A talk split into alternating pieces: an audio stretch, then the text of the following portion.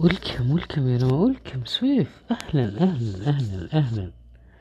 أهلا ومرحبا. welcome يا نبال welcome يا زهرة. أهلا أهلا. أهلا ومرحبا.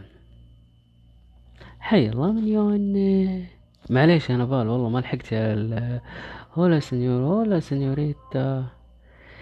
معليش معليش معليش البث اللي فات ما ما لحقت عليه لكن إن شاء الله خير. إن شاء الله خير. كيف أنتم؟ مرحبتين مرحبتين. أهلا وسهلا.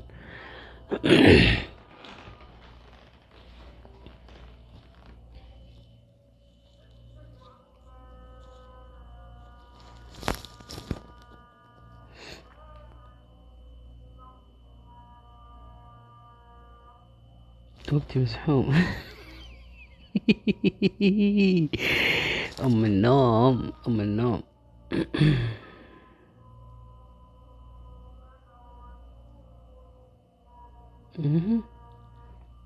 كيف حالكم يا رفاق؟ سويف welcome back. عاش من شافكم. أتوقع أنه هذا حساب جديد يا سويف صح؟ شكرا يا زهرة والكم يا حزينة. والله يبعد عنك كل الحزن. عنا أجمعين يا رب. ولأني أحببته بحجم الدنيا قسم, قسم قلبي وزرع بقلبي جرحا لن تشفيه سنين أوكي والله الفل والله فل الفل أخبارك أنت؟ الحمد لله تمام تمام. أوه ما شاء الله ما شاء الله ما شاء الله. أجل الصورة متغيرة يا سويف. ما شاء الله تبارك الله. نفال لازم نشوف شي من شغلك يا أخي. كذا خيانة والله. ولكم شاهد ولكم شهرزاد أهلا أهلا. وعليكم السلام ورحمة الله وبركاته. واللي في جيبك هاته السلام عليكم. okay أعمل نفسك ميت أعمل نفسك ميت. هم كيف متغيرة؟ ما أدري والله أحس الصورة الأولى لا. أوه. okay okay okay. welcome يا تفسير. تو ما يبتدي صباحي. أطلق والله من يجي. أطلق من يجي يا شهرزاد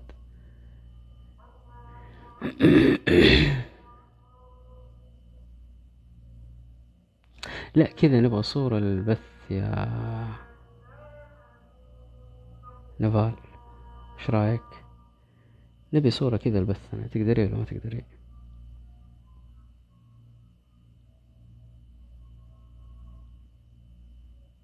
حجلس أبثركم بالاسباني أطلق من يبثرنا يا أخي تعالي علمينا. هابلا اسبانيولا sí sí sí señor sí. Muchas gracias. Gracias. Welcome هيو هيجي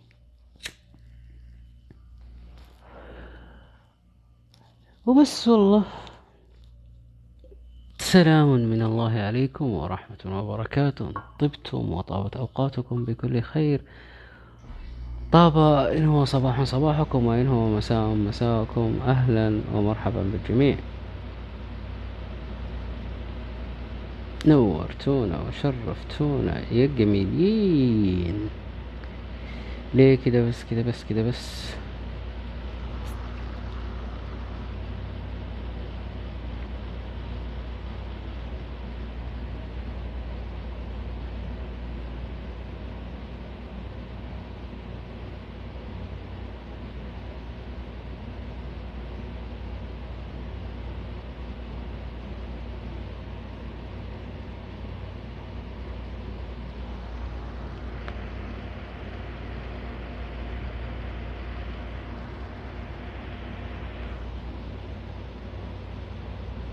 كيف تبغى الرسمة؟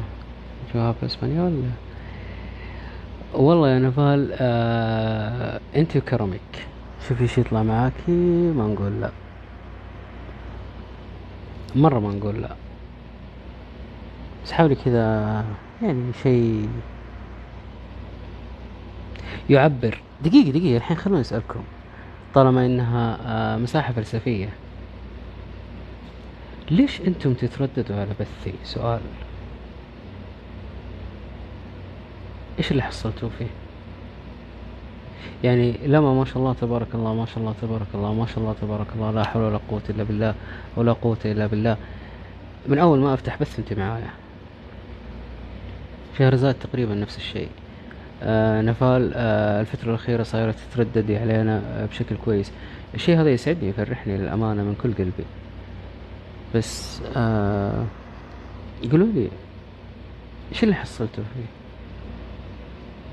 اولا ما في زحمة ثانيا مواضيعك حلوة.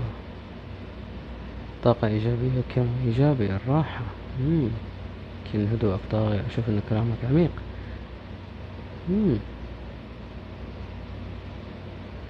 ثالثا تعطوني وجه هنا. يا شيخ اللي ما يعطيك وجه أصلا ما عنده وجه. خير شر كذا. يعني من الآخر يمكن إنك شخص تتكلم بعمق فيبين وجه خاصة. لا من جد يعني ربي أنعم علي بالنعمة هذه. إنه فعلا في ناس آه ما شاء الله تبارك الله أول ما يدخلوا أول ما أفتح البث يعني ما يمديني بس أصور البث أروح سناب أحط الصورة أجي ألاقي ستة سبعة. ما شاء الله تبارك الله يعني توي فاتح البث.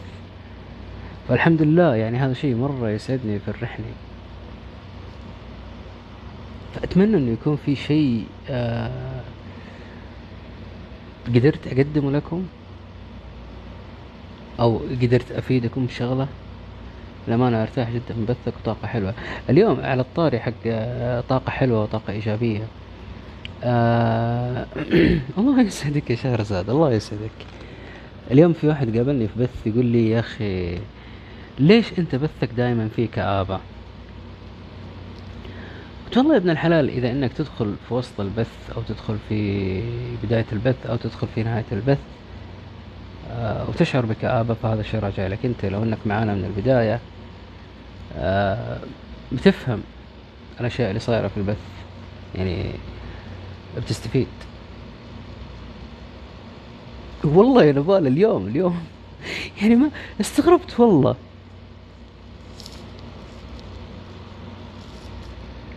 يعني أوكي ممكن في بعض المواضيع آه، تستدعي إنه لا والله لازم آه، نبرة الصوت تكون أهدى آه، عشان أنا أشوف الموضوع موضوع ذكاء. بالضبط يا لمع بالضبط يا لمع والمشكلة معروف معروف معروف معروف معروف.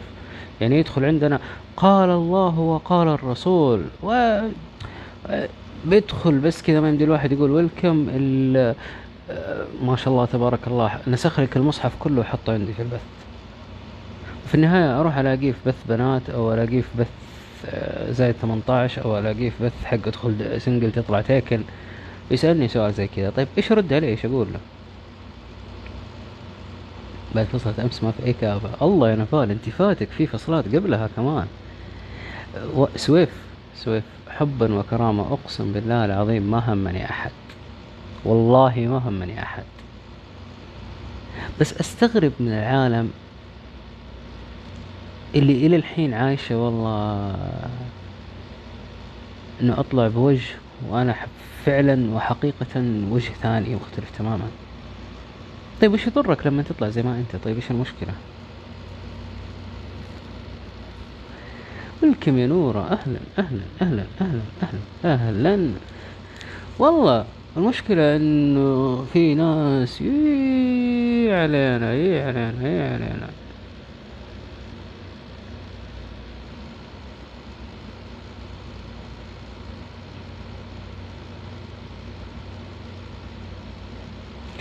فأقول لكم المسألة مسألة ذكاء إنه لما أجي أتكلم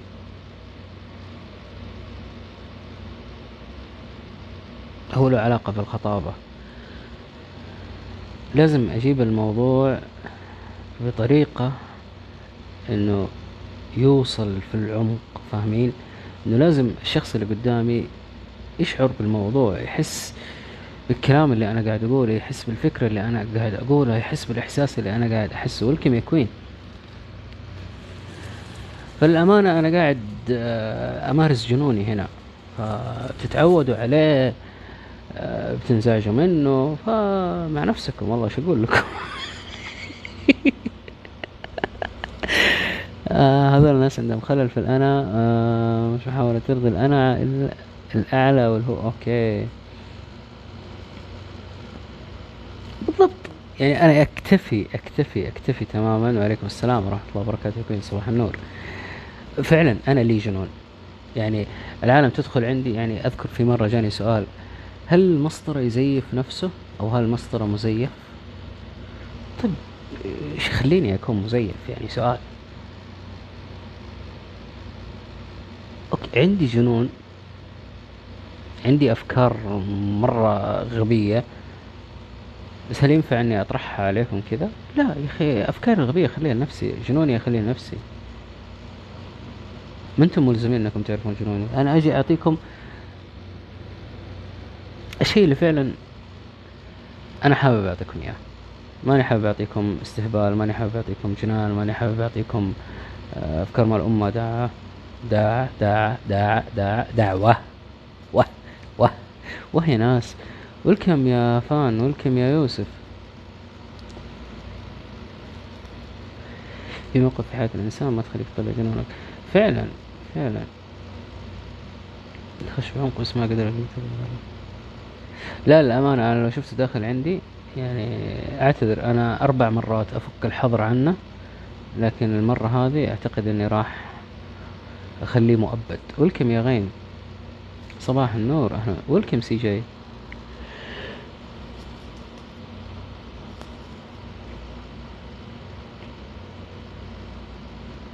بالضبط. آه نور اليوم واحد يقول لي يقول لي يا أخي ليش آه بثوثك كلها كآبة؟ إيش رأيك؟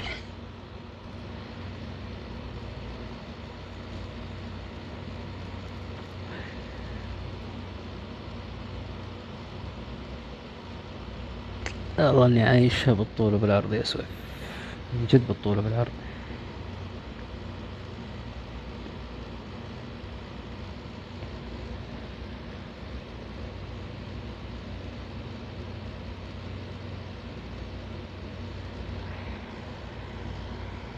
حساس؟ كلنا حساسين. نشوفها كذا مشكلته نظرتنا إحنا. الله يسعدك. نورة برضو واحدة من الناس اللي فعلا أول ما أفتح البث على طول آه، معايا أول بأول. ف آه أوكي يا غيم. لا مش مسألة آه، حساس بزيادة. آه، مسألة فعلا أن في ناس كده تفكيرها مختلف شوية. يعني شوف إنك أنت قاعد تأدي أداء كويس والعالم كلها مبسوطة منك أو إنه في feedback كويس عنك. فيجي بيحاول إنه لا يا أخي هذا okay عشان أنا دخلت بث وما عجبني لازم إنه البث وصاحب البث والناس اللي موجودين في البث كلهم سيئين. الفكرة هذه أحس إنها غبية شوية. تفضلي يا شهد تفضلي. هذه مساحة فلسفية يعني عندكم شيء؟ أعطوني خلونا نسولف. خلونا نشوف. بالعكس بيتكلم بأشياء أنت تحس إنها جد غلط. يب للأسف ما غيرة أو اختلاف غيرة أو اختلاف الذوق أو ممكن إظهار نفس. الله المستعان. والله عجب عجاب. ولكم باك شهرزاد. ولكم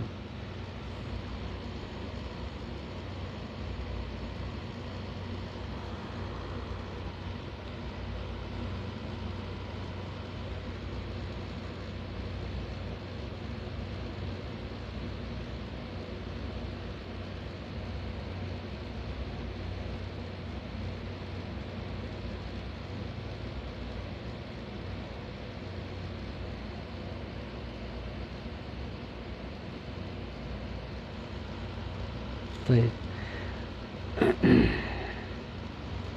سؤال متميز يا شهد. متميز متميز متميز.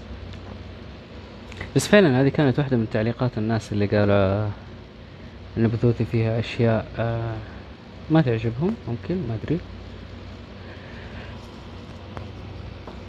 هم شايفين إن الموضوع هذا أو إني جالس ولكي مشروق. أهلا أهلا. آه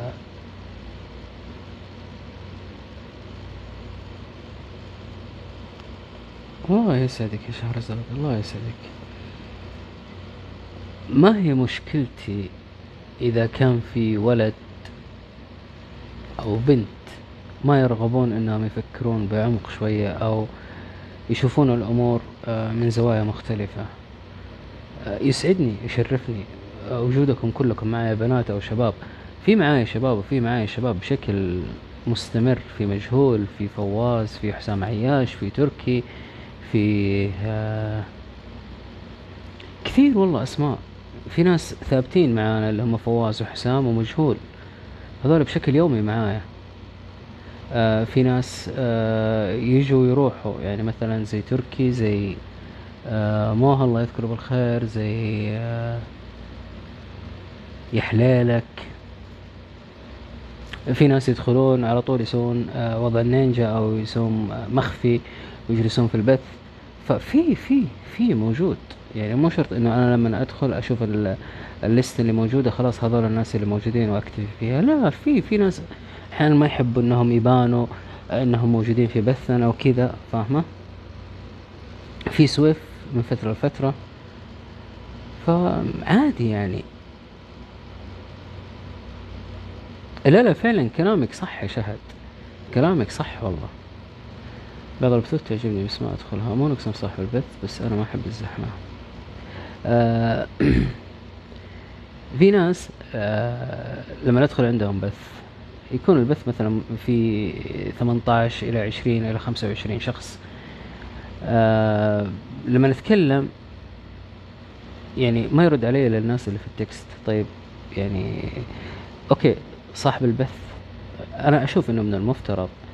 إنه يكون متابع لل text يشوف الناس اللي موجودين معاه يعرف مين الناس اللي تتردد عليه من الناس اللي كذا من الناس اللي كذا من باب إنه يتابع يكون متابع على الموضوع اللي صاير عنده في البث. فما أعرف كذا اشوفها يا سلام على الشاهي والمكيف. يا أخي والله مرة حلو. كم عمرك يا سويف كم عمرك يا شهد؟ يعني آه لأن الأغلبية اللي يدخلوا البرنامج أو نسبة كبيرة من الناس اللي تدخل البرنامج آه أعمارهم صغيرة. أعمارهم صغيرة يعني من آه 18 وتحت ممكن نقول. في نسبة حلوة آه أعمارهم من فوق ال 25 26 وفي نسبة في النص يعني تزيد وتنقص. العمر كله يا رب. العمر كله يسوى في عشر هاد عشرين. ممتاز ممتاز ممتاز. طب وش اللي أخذتوه من هنا؟ تسعة وعشرين العمر كله يا نفال خلاص ما عاد باقي لي تكة وتصيرين ثلاثينية جادة. آه okay قصدي تصيرين ثلاثينية زي القمر. أنا عمري ستة وثلاثين يا سويف. welcome يا مو عبود العمر كله يا كوين. إي جد يعني في الحياة وفي سعيك للأمور الكويسة يعني. يعني كذا كذا. لا تفهمينها جد شيء ثاني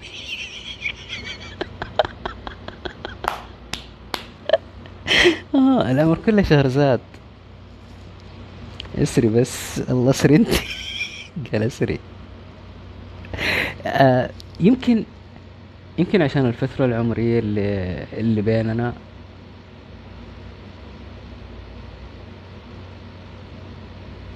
الله يسعد لي قلبك. الله يسعد لي قلبك يا سيف. أبي أشوف اجوبة اللي جوايا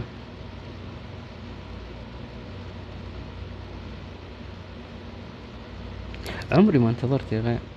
عمري ما انتظرت. والله للأمانة يعني في في البدايات كنت أسوي البث. يعني من أول ما أسوي البث لحد ما يقفل البث الناس اللي دخلوا وخرجوا عندي البث ما يتعدون 18 مرة ما يتعدون 18 يعني كل العالم اللي دخلوا عندي البث 18 اللي جالسين معي في البث اثنين لثلاثة اثنين لثلاثة بس مو أكثر. فالحمد لله يعني شوي شوي شوي شوي بدأت أرقام ترتفع أكثر وأكثر وأكثر وأكثر. فهذا شيء رهيب. ولكم كاسبر ولكم نورا. آه ممكن إحنا في حياتنا نحتاج ناس تتكلم معانا. سواء أولاد أو بنات ما ما تفرق كثير بس طالما نجد الإنسان اللي يقدر يلامس فينا نقطة إحنا نحتاج إنه أحد يوصل لها آه، ترى هذا راح يفرق معنا كثير. في ناس ما هي فاهمة النقطة هذه. في ناس فاهمة إنه والله أنا أبغى أدخل أسولف مع فلانة وأضحك وأقول نكتة وبعدين آه نروح سناب مدري إيش وفعاليات امحق فعاليات يا شيخ. امحق فعاليات.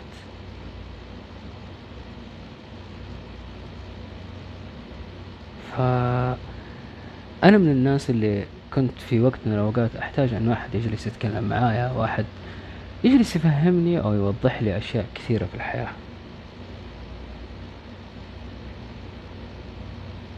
لكن آه، ما حصلت الشخص هذا. بديت أتعلم بديت أروح أتكلم مع فلان مع فلانة مع القريب مع البعيد مع الأجنبي مع العربي مع السعودي مع البدوي مع الحضري مع الرجال مع الحرمة. ففعلا آه شيء ممتع. والله شيء ممتع.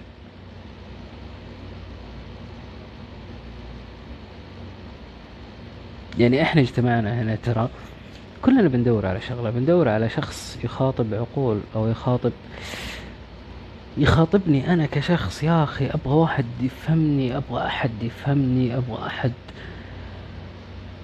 يعني من التعليقات اللي تجيني في سناب أو من الرسائل اللي تجيني في سناب إنه أنا أثق برأيك أنا أقتنع برأيك أنا أثق في كلامك أنا أستشيرك. ولكن فواز. طيب الأشياء هذه آه لو أي أحد يسمعها بيقول أشياء بسيطة يعني ما عندي مشكلة. بالنسبة لي أنا لما يجيني أحد يقول لي أنا أثق في رأيك أو أنا أبغى أستشيرك أو أنا ما أحب أسمع لرأي أحد يعني فعلا أنا عندي مشكلة فلانية وأجي في كذا مشكلة جات وطرحتها هنا في البث. يعني أشخاص يجوني إحنا نثق في رأيك إحنا نبغى رأيك إحنا نبغى مشورتك. طيب هذا ترى شيء فيه مسؤولية كبيرة. okay خذ راحتك يا نبال فعلا فعلا فعلا مسؤولية كبيرة. welcome فواز عليكم السلام ورحمة الله وبركاته. واللي في جيبك هاته أهلا ومرحبا. بالسناوي ولا بدون. حينما تتعب توقف حين إيش؟ الصورة مي كاملة يا فواز لكن باين انها خطيرة. فعلا خطيرة. وعليكم السلام يا محمد. أهلا وسهلا. والله بالنسبة لي شخصيا أحب معرفة الآخرين يفكروا شخصية غيم أنت ما قلتي كم عمرك صح؟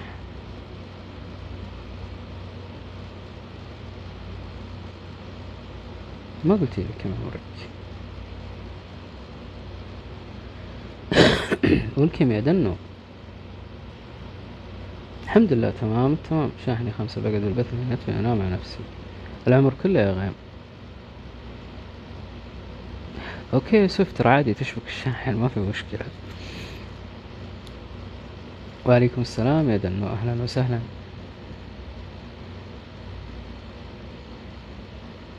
welcome يا عزلة.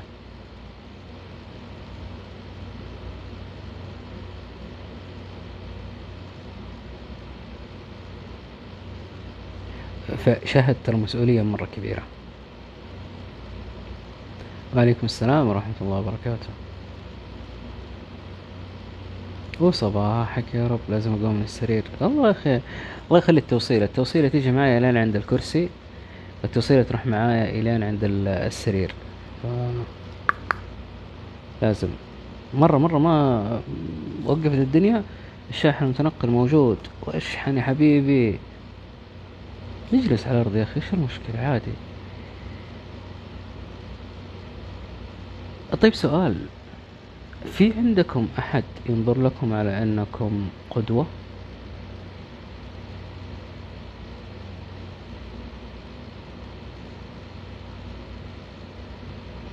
إي والله محمد. شيء أساسي. ليش طيب؟ ليش؟ مين اللي يقتدي فيكم؟ مين أكثر شخص يقتدي فيكم؟ الحمد لله لا. له ليه سويف؟ ليه؟ الدرجة هذه حتى عن المسار ولا أبي أكون قدوة. الإخوان الصغار. مم. نايس. إن الأولاد إيه يعتبر مسؤولية من ربي. بنت أخوي. طالباتي ممتاز. يكون من الأخوان. أحس إني مو قدوة. طيب دقيقة سؤال سؤال. آه اللي يقول إيه في عندي ناس يشوفوني قدوة يا ريت يعبر لي يعطيني ليش هم يشوفونه قدوة؟ والشخص اللي ما يشوف نفسه ينفع كقدوة؟ ليش ما ينفع كقدوة؟ أنا أختهم ومعلمتك وطيبتهم. okay okay. شهاد إيش كلام؟ والله شكلك أنت اللي عين مغمضة وعين مفتحة.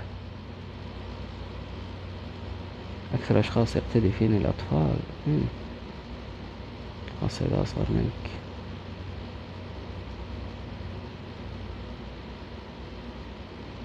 القدوة شيء يبيله تكون مسار صحيح وتكون ما تخطئ وتكون مجنون شوي فمعلمتهم معلمتهم وطبيبتهم. أوكي وصلت الفكرة يا شاهد بس هي دعابة بسيطة. شروق تقول أختي وأولادي وبعض الأحيان صحباتي. لازم تكون تغير حياتك وتعمل صح. لا لا ولا يهمك شاهد واصل الفكرة واصل. أس ألسو أهلا أهلا أهلا أهلا وسهلا. أهلا بصاحبة المواقف الجميلة. آه يا رب يا أخ أخ أخ أخ.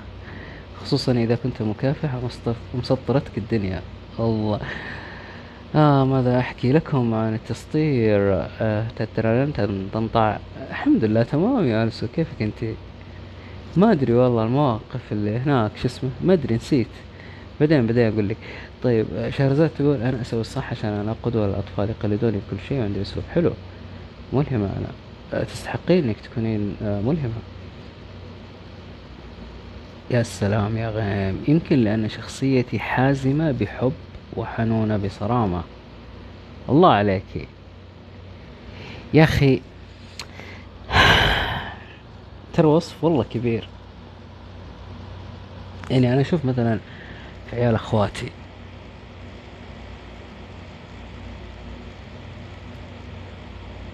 فعلا يعني تجي لهم أوقات كذا تلاقينهم يجون يركبون على ظهري يجون يستهبلون علي يجون يلعبون معي يجون يضحكون معي. لكن تعالي لما أجي أنا وأتكلم معاهم. فجأة كذا تلاقين العالم ساكتة وتسمع وتسكت كذا شوية وتسأل. يعني حاجة مرة حلوة. مكافحة مسطرتني الدنيا بالأخير أخلاق ما في هذا مو قدوة. القدوة أشوفها من كل النواحي الله عليك يا عزلة الله عليك. وعليكم السلام ورحمة الله وبركاته يا عبود. أبو خط شوية شخبوط.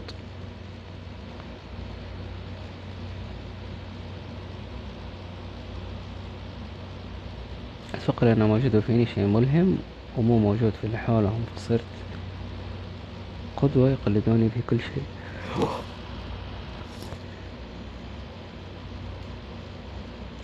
طيب بسألكم سؤال ثاني.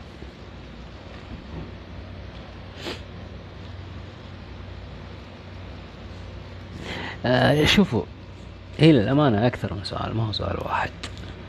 لكن خليني أحاول أجيبها بطريقة مترابطة.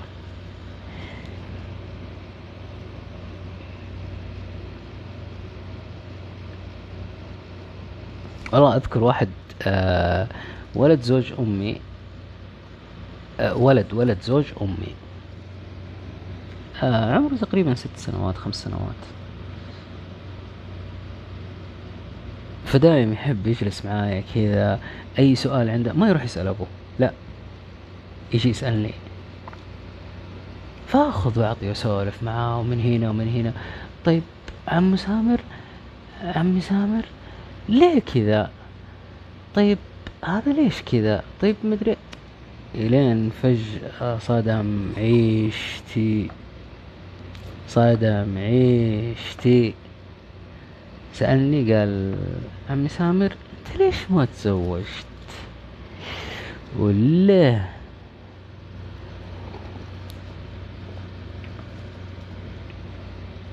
إي والله الله يحفظه يا محمد.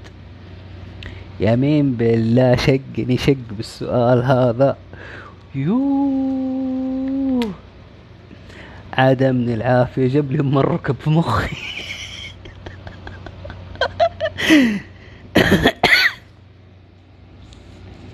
مو سهل تقتدي ومو سهل تختار قدوة ولكم جوهرة ولكم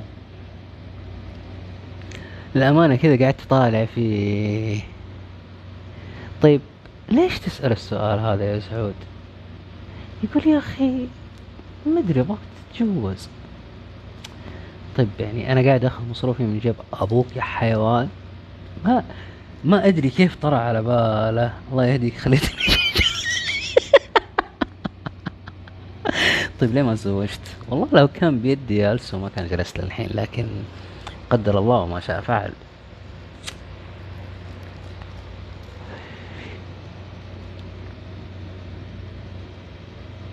أي عانية يا رجل؟ عانية الزمن. لا بس يعني فعلا ترى الأطفال لما أحد يأخذ ويعطي معاهم ترى بتلاقي عندهم أسئلة كثيرة. ليش؟ لأنه عقولهم الصغيرة. ما هي مستعدة استعداد تام إنها تتبع آه لو قال لي كيف جينا؟ يو بسيط أمره هذه يا شهرزاد. فضولهم عالي سويف بالضبط. والله سؤاله مرة ما له داعي يا فواز لكن فعلا خلاني آه، كذا ألف حوالين نفسي. عارف زي اللي كان كذا قاعد ماسك طرفين الجرح ويحاول يقربها من بعض وفجأة يجي واحد يشقه من النص. هذا اللي حصل بالضبط والكم يا كيما فعادي جاوبت إجابة بسيطة قلت ما عندي فلوس. ولكم ياسر؟ ولكم يا كلام الروح؟ كلامي. أوه نايس. ولكم هبوش؟ عليكم السلام ورحمة الله وبركاته. واللي في جيبك هاتوا تدرون إنه لما آه فعلا يكون عندهم تساؤلات زي كذا ويلاقوا لها إجابة ترى بيطلعون أذكياء. وش سوت فيك يا شهد؟ من يوم حطيت الوجه العبوس هذا اللي جابت العيد فيك. ولكم عبوزي. جابت لي حبة تبلد ليش؟ اللهم آمين يا شروق اللهم آمين.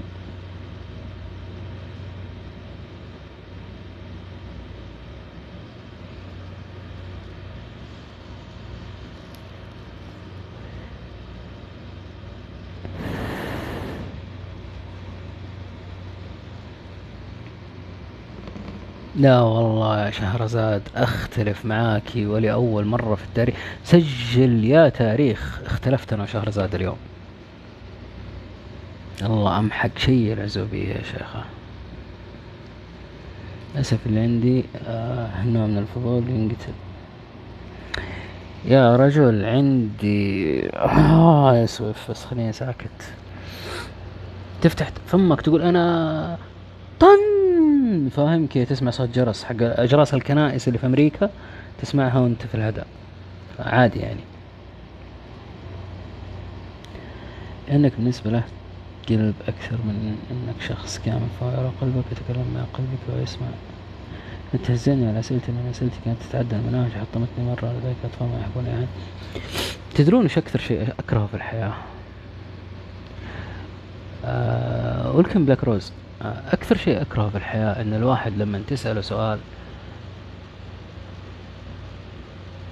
ويبدأ يعصب عليك أو يكون له ردة فعل قاسية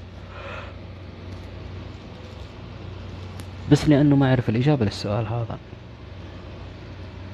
طيب وش يمنع لما تقول ما أعرف؟ أنا أحس إنه من الذكاء إنك تقول ما أعرف. وإذا كنت ذكي مرة فأنت حتروح تدور على المعلومة. أنا أذكر في مدرس.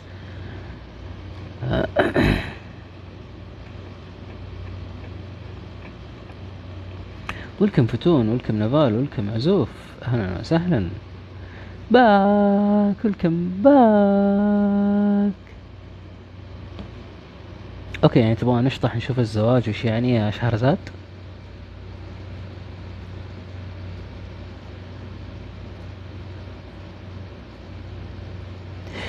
آه شهد مدري خليني أعطيك فلسفتي عن الفيزياء.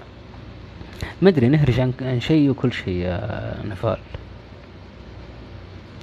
الفيزياء آه تخيلي كذا إنك لابسة مجهر.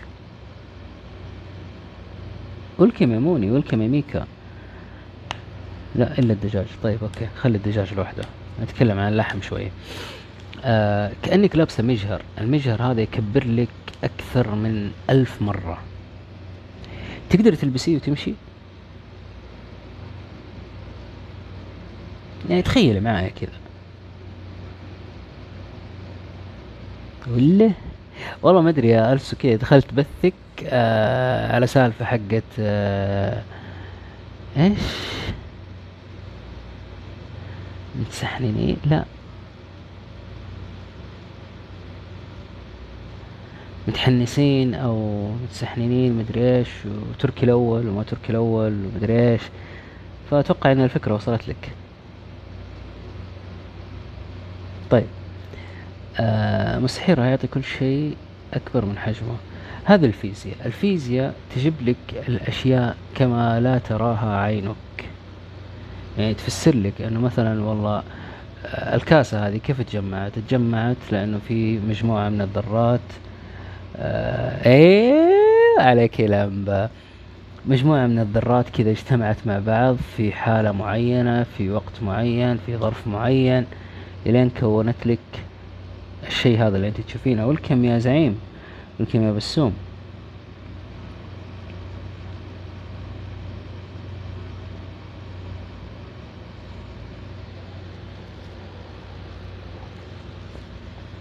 ممكن تجيبها لك بمقياس أكبر. يعني الأشياء اللي خارجة عن مدى رؤيتنا.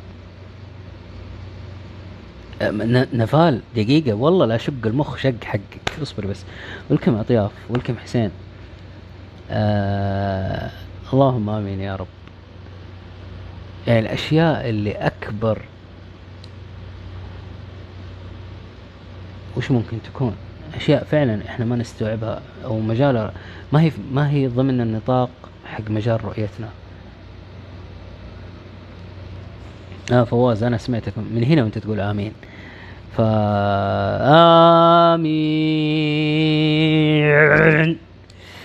امين قلب القلب يعني بس يلا ما في خيرة خيرة يا نفال خيرة خيرة إن شاء الله.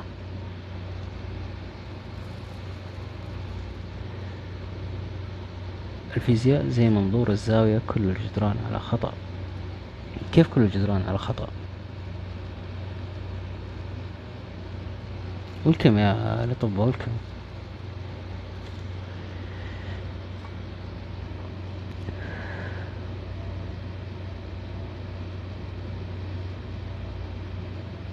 ما علق مخي الفيزياء زي منظور الزاوية كل الجدران على خطأ.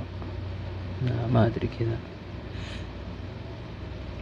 لا لا آه شهد هي أنت ما أنت ملزمة بس هذه تعتبر آه، من الأشياء الأساسية أو من المعارف الأساسية أن الواحد يعرفها.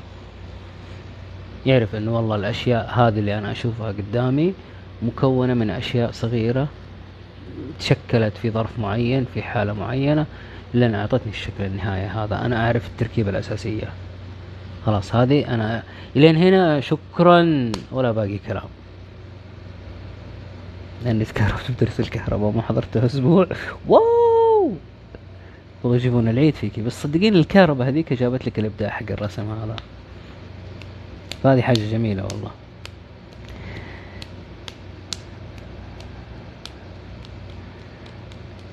أنا للأمانة كل ما تذكرت الفيزياء أو كل ما جاء طاري الفيزياء أتذكر مدرس قليل أدب كان عندنا. كان على ما يقولون عندنا أبو ورعان الله المستعان. اشتغلت الخلايا النائمة ولا لقيت تشتغل إلا بالكهرباء؟ يا ربي وأنت ربي. يا ربي وأنت ربي. والكيمياء يزن الله مشكلة يا أخي. ف صدقوني الأشياء اللي اللي نتعلمها تعتمد على من ينقل لنا المعلومة عنها. ولكن باك شهرزاد. فبما أن شهرزاد جاءت خلونا نحكي عن عن عن أم زواج. اتذكر سؤال سعود الله يعطيه العافية. وأنا سنة خامس مسكتني الأبلة ودفتني انخبطت على خشمي. ولا وش دي أبلة ولا مصارعة؟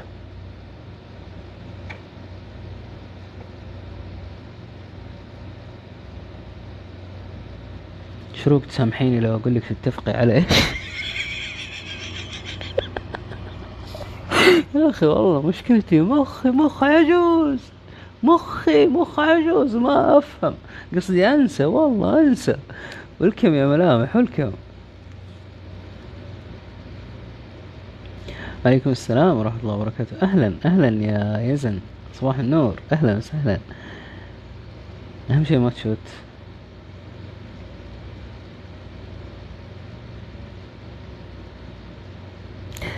آه للأمانة للأمانة للأمانة. آه أي صح صح صح صح. أتفق جدا على مسألة أن الشخص اللي يعطيك الم... العلم هذا أو الدرس هذا صح يا شروق؟ إن شاء الله يا رب يكون صح إجابتي صح.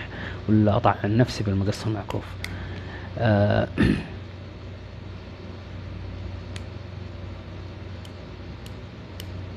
في آه محاضرة حضرتها البارح. حقت واحد اسمه توني آه، توني روبنز.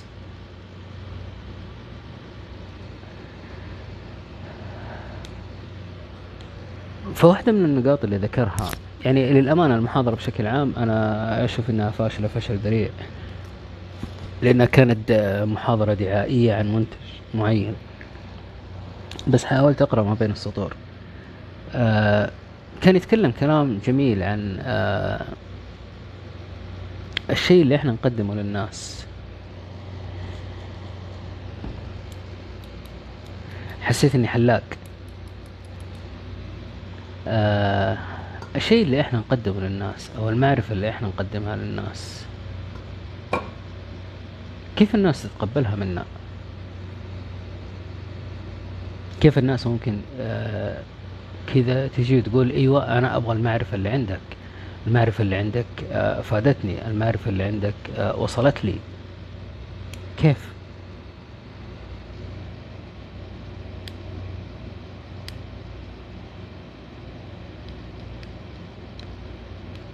المحاضرات اللي تواجدت فيها المحاضر ما يدري إيش يبي والموجودين ما يدرون إيش يبون. أكره الأسلوب هذا. أنا للأمانة حمدت ربي إني ما دخلت الجامعة والله. حمدت ربي إني ما دخلت الجامعة لأنه لو دخلت الجامعة كان ممكن يساء لي إساءة ما هي طبيعية والله. وأنا أكره أن يساء لي. آه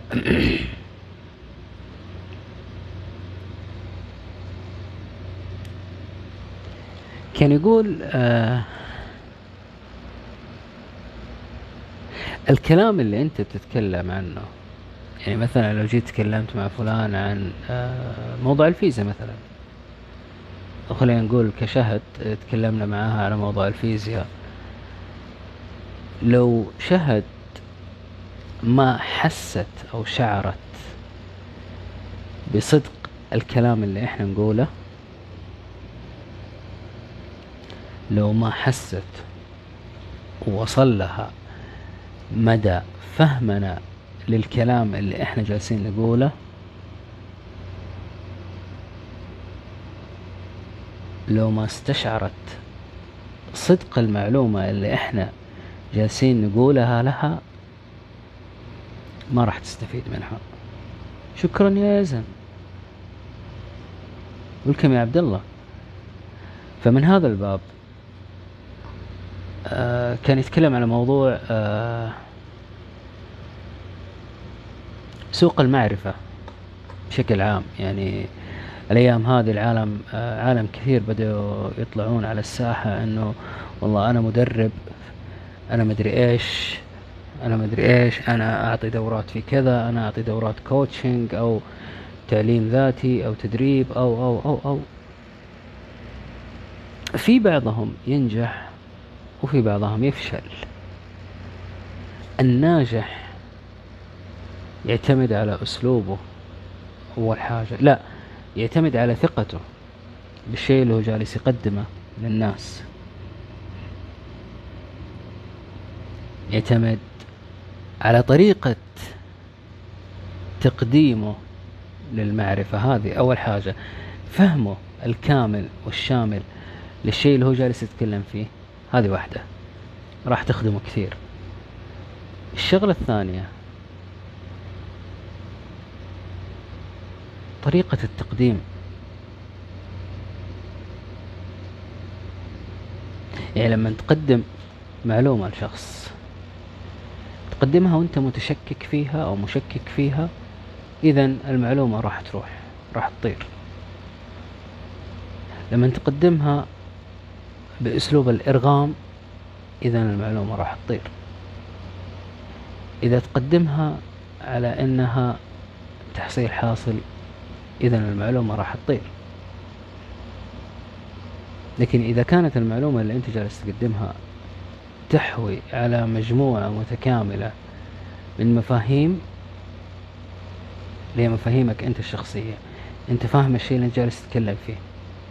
ثاني شيء تحوي على كمية من المشاعر اللي توضح مدى فهمك وصدقك واستشعارك للأشياء اللي أنت جالس تقدمها إذا حيكون عندك منظومة كاملة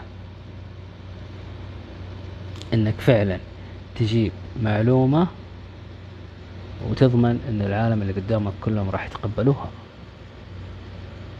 والضمان بالله سبحانه وتعالى. فأغلب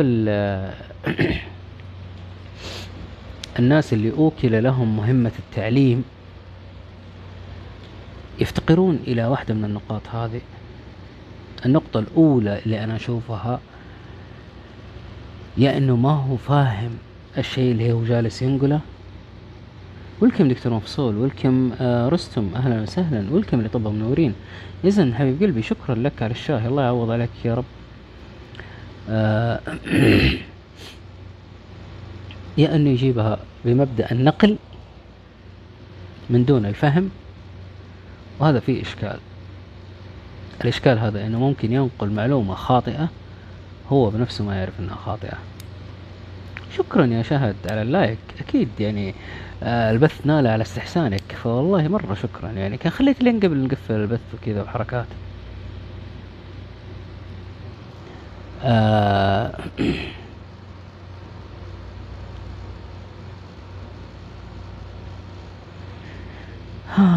نسخ لصقي والله. ولكم يا مشاعل؟ مم ما في مشكلة ما في مشكلة عوافي. فالشيء هذا أنا أكرهه جدا والله. إنه يجيني واحد يقول لي قال فلان قالت فلانة قال فلان قالت فلانة. طيب أنت إيش قاعد تقول أصلا؟ إيش قاعد تقول؟ أنت الوسيط يعني؟ أنت تكسي تجيب الكلام من عندهم من عندي وبس خلاص. welcome يا فيصل welcome يا آه، دوار الشمس؟ حبيبي يا محمد ال like تحت في علامة قلب تضغط عليها هذا أنت أعطيت إعجاب للبث. آه، الشاهي أو هذا يسمونه دعم سبونات. تقدر تضغط على آه، علامة الهدية. آه، الظاهر إنه بما إنك جديد في عندك اثنين سبونة تقدر تعطي فيها اثنين شاهي. والكم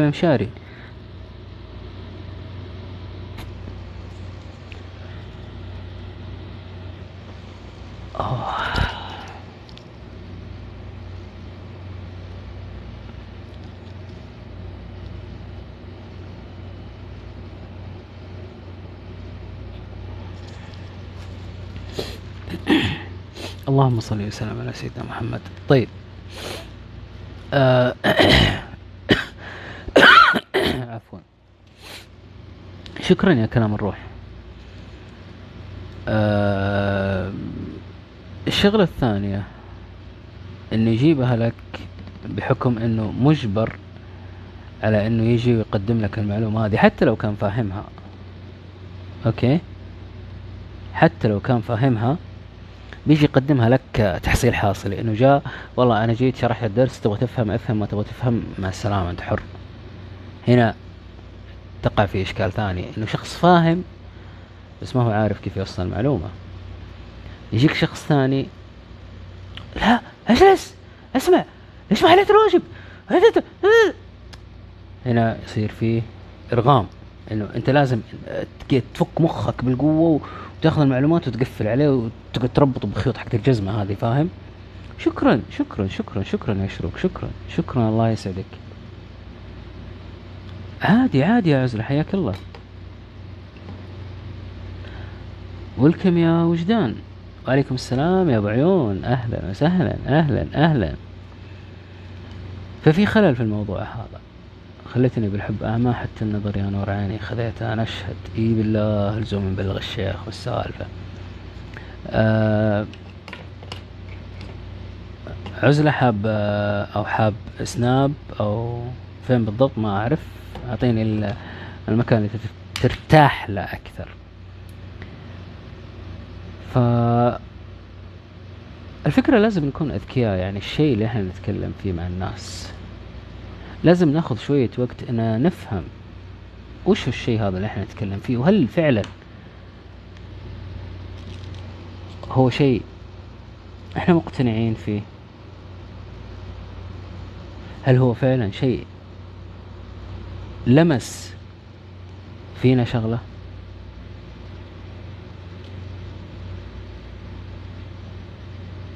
طب عزلة ما أعرف والله يا ريت تكتبي لي. حبيبي يا مشاري شكرا لك مسطرة صوتك حنان. والله مرة شكرا. صوتي حنان ولا مسطرة يا أخي؟ كذا لخبطتني يعني أنا ما أعرف أنا أقول أيوة يا ولد ولا أقول أيوة يا ولد؟ لا كذا غلط يا صديقي. حبيب قلبي. أذكر زمان لما كنت بالابتدائي آه، أولى كنت ندس بالدولاب عشان ما أروح المدرسة أضيع الوقت وأنجلد.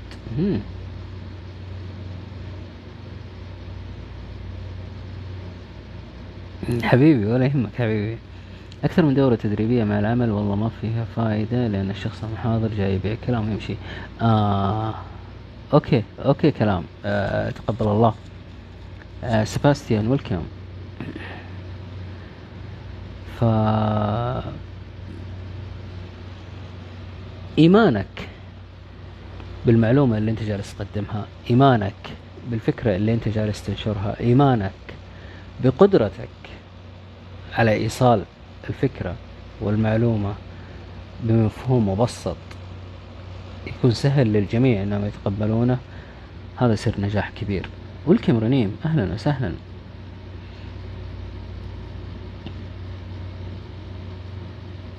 هو مشاري. أهلا أهلا أهلا أهلا. ما انتبهت للصورة والله. ولا انتبهت للحساب. آه حبيبي مبروك عليك 3300 ومبروك عليك التشويس. اعذرني والله ما انتبهت. ما وصلني شيء يا سناب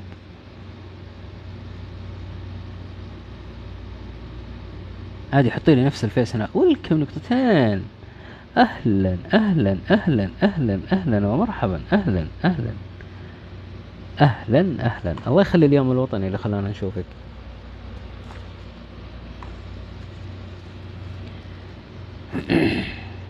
السلام. ورحمة الله وبركاته. اللي بجيبك هاتو.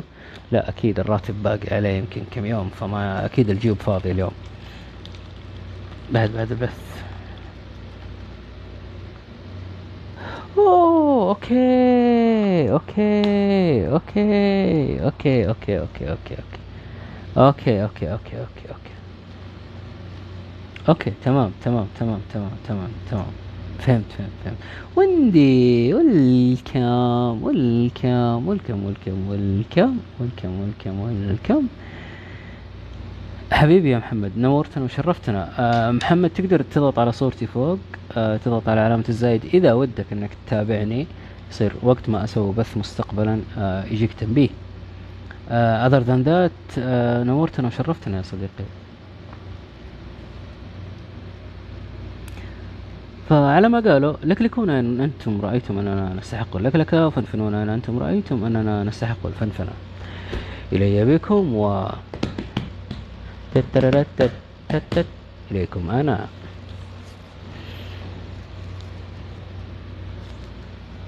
فأتوقع أننا آه فهمنا الحين متى نقدر نوصل آه معلومة.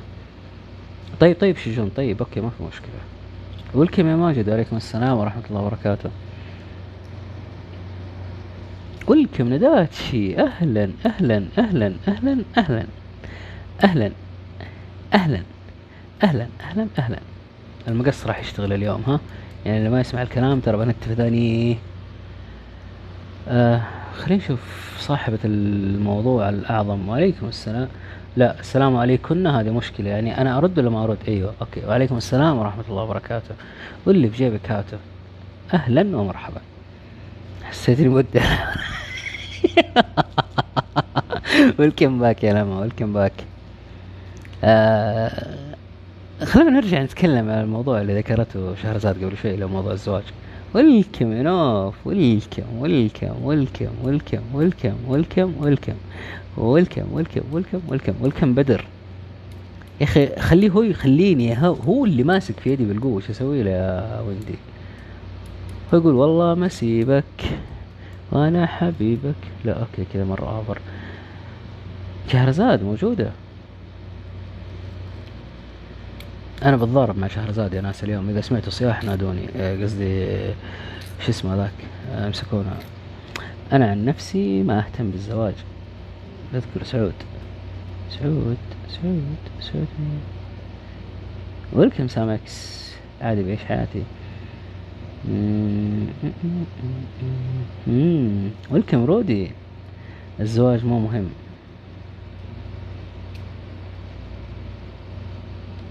والله ما أدري يا ماجد هو من ورا التريلات ولا من قدام التريلات الاعلان هذا أهلا يا بدر أهلا أهلا. أوه أوه اي اي صح صح صح صح صح صح. لا للامانه كتبت قصيدة في الموضوع هذا يعني إيش شلون لا لا تلوميني. كوزان welcome وش يعني لكم الزواج؟ خلينا نجيب السؤال. من فوق السطوح. لما تيجي كلمة زواج وش تعني لكم؟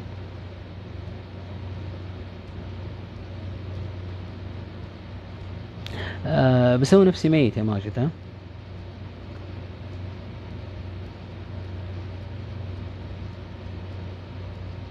الله ماجد فواز جون ويندي نورة ملامح. وأنا أول واحد يرحب وآخر واحد يترحب فيه.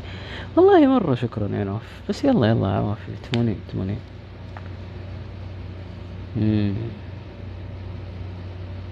المشكلة هذا ما يجرح. طيب لما تقول استقرار نفسي وعاطفي يا سلام. نداتي تشوفه مسؤولية. أوكي مسؤولية. طيب ألسو تقول أطفال واستقرار وشريك. مم. رودي تقول الزواج علاقة تربط شخصين في كل شيء.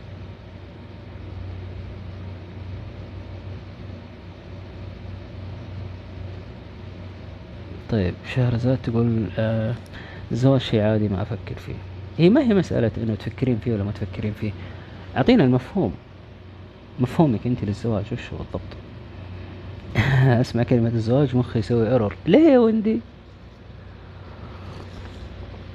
Action cannot be completed. Please try again later. Dear caller, your call cannot be completed at this time. Please try again later. The phone the number that you uh, the number that you are trying to call the number that you are calling is not available now please try again later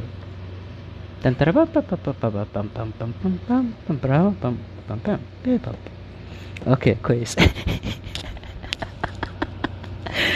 okay تمام شجون تقول مسؤولية زائد مطبات صعبة بالحياة مم. ملامح تقول توافق واحتواء ورباط مقدس. مم.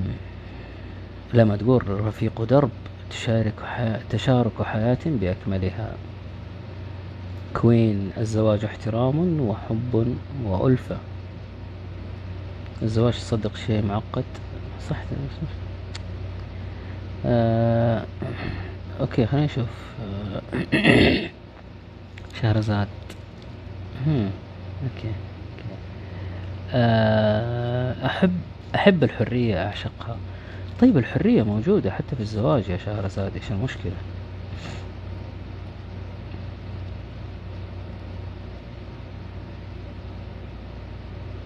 طيب. آه ندات شي تقول؟ شهرزاد حريتك ما راح تسلب إذا تزوجتي حبيبك. أقصد الشخص المناسب. كويس إنك عدلتيها.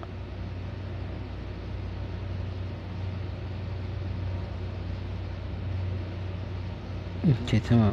آه نورة تقول استقرار واحتواء وانسجام وتعاون وتفاهم. لا بد من المشاكل ليعود الود لمكانه.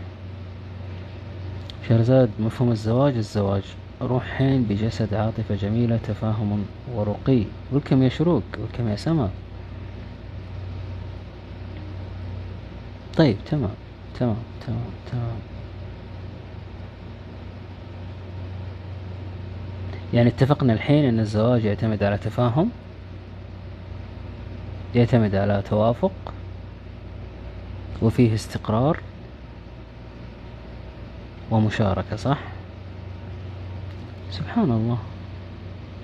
يا أخي المفروض يخلون الاسم حق صاحب البث تحت ما يخلونه فوق كذا.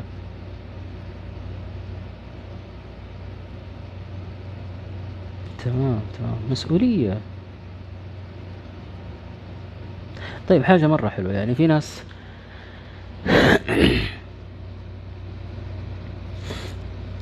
آه يعتمد على التوافق فقط. ليش التوافق فقط؟ آه اللي جاب سيرة الزواج إنه شهرزاد تقول الزواج شيء مو مهم أو شيء أنا ما أفكر فيه. فلفت انتباهي الكلام هذا. مو مسألة إنه ممكن اغير مبدأها أو مفهومها عن الزواج. لا بالعكس. آه بس الفكرة عشان أوكي ممكن نوضح. إحنا إيش نفهم عن الزواج؟ هل فعلا الزواج آه إحنا نفكر فيه بشكل كويس ولا إحنا ننظر له بنظرة غيرنا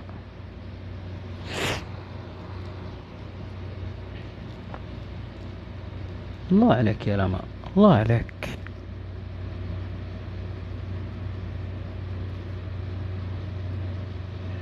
في ناس تأخذ الزواج من مبدأ إنه خلاص والله أنا يا أخي التزام يا أخي مدري إيش يا أخي ربطة يا أخي يا أخي يا أخي يا أخي.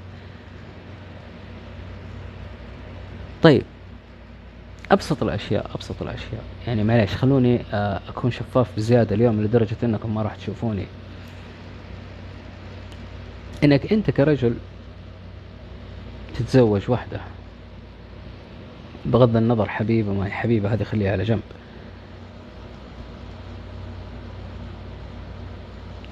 تفتح باب بيتك يكون في عندك أحد. تقدر تأخذ وتعطي معاه في الكلام. أحد آه، يكون مرة قريب منك. يكون يغنيك عن حاجتك لأي أحد ثاني. تلاقي لك لقمة كويسة. تلاقي لك مكان نظيف تجلس فيه. تلاقي لك أمور مهيئة لك. طبعا آه على مبدأ أنه آه يكون في توافق بينهم يكون في شغلات كثير. ماشية تمام وفي اتفاقيات على كل شيء تقريبا. كيف تيجي تقول لي إن الزواج ربطة ونصيحة لا تتزوج وخليك عزوبي وزين العزوبية وتتذمر من الموضوع هذا على الطالعة والنازلة؟ ليش؟ هذا ما يكون فيه جحود للموضوع؟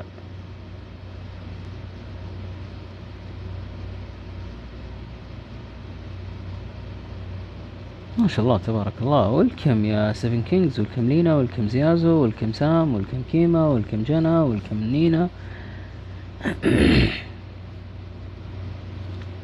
وعليكم السلام ورحمة الله وبركاته. اللي في جيبك هاتو welcome يا تركي. أهلا ومرحبا بالجميع. نورين والله يا جميلين. welcome يا مبرمج.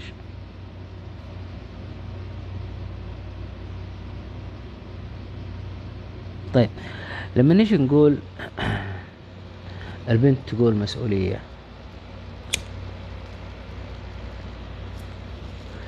أنا ما بنظر الحالات الزوجية والكم يا حلا اللي يكون فيها مشاكل.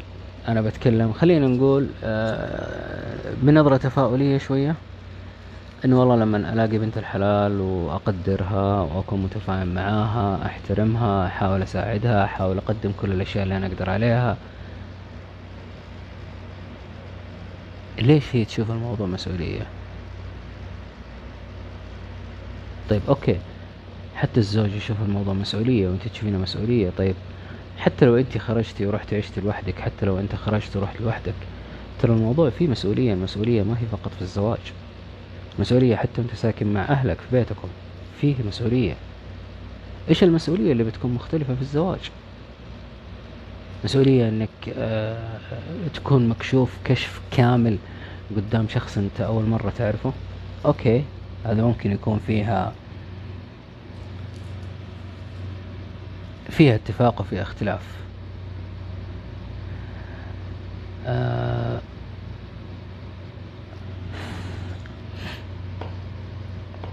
كاريزما ويلكم.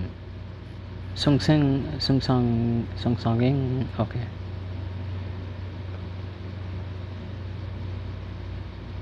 أشوف أن الرجل يرتاح بعد الزواج أكثر لأنه مسؤوليات من قبل.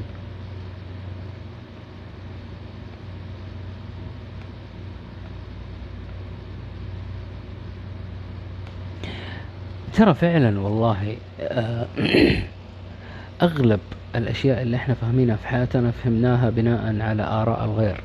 لكن هل فعلا إحنا جربنا؟ ممكن واحد اثنين ثلاثة عشرة جربوا بس مو مو الكل جرب.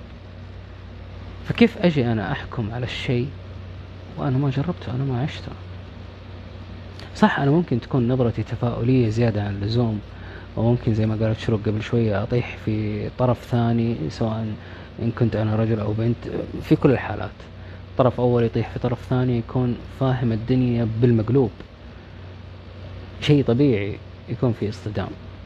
شيء طبيعي يكون في اختلاف. شيء طبيعي يكون في يكون في يكون في يكون في. بس اللي ما هو طبيعي إنه أنا أحاول أغير الطرف الثاني أو الطرف الثاني يحاول يغيرني. يحاول السيطرة علي أو أنا أحاول السيطرة عليه. ترى المسألة ما هي مسألة حرب. المسألة مسألة احترام وتقدير متبادل من الطرفين. أفهم وش متطلبات الطرف الثاني الطرف الثاني يفهم وش متطلباتي أنا.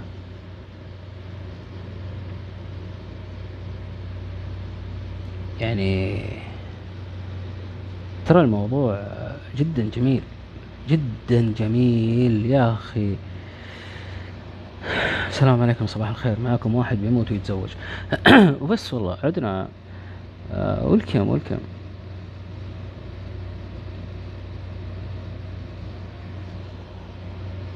ولكم يا ساش ولكم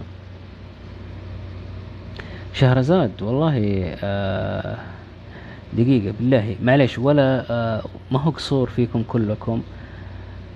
آه بس أنا اللي شادني رأي شهرزاد عن الموضوع. يعني الأغلبية okay رأيهم متزن ما بين okay عادي ما عندي مشكلة ممكن أتقبل. يعني أنا فاهم إن الزواج مسؤولية واستقرار وكذا وكذا وكذا وكذا.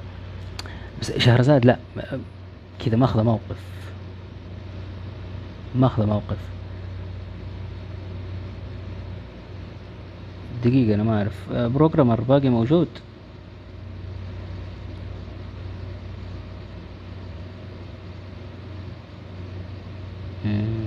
حسافة والله. كنت برد على سؤالك يا صديقي. تمنيت لو أنك موجود. welcome دريم. أهلا وسهلا. طيب. آه شهرزاد. يا شهرزاد. شهرزاد ولا شهرعاد؟ okay. لا لا لا. مرة سماجة خلاص خلاص. والله بطلع لوحدي لا احد يتكلم أخاف من الخيانة كمان. ما أبغى أجرب شعور الخيانة. تخافين من شيء؟ ما حصل. سؤال. عليكم السلام ورحمة الله وبركاته صباح النور. شهرزاد جاوبيني. أوكي لا تأيدها يا ساش براحتك عادي ما حد قال لك أيدها بالقوة عادي. ولكم يا إبراهيم ولكم يا ليلو أهلا وسهلا.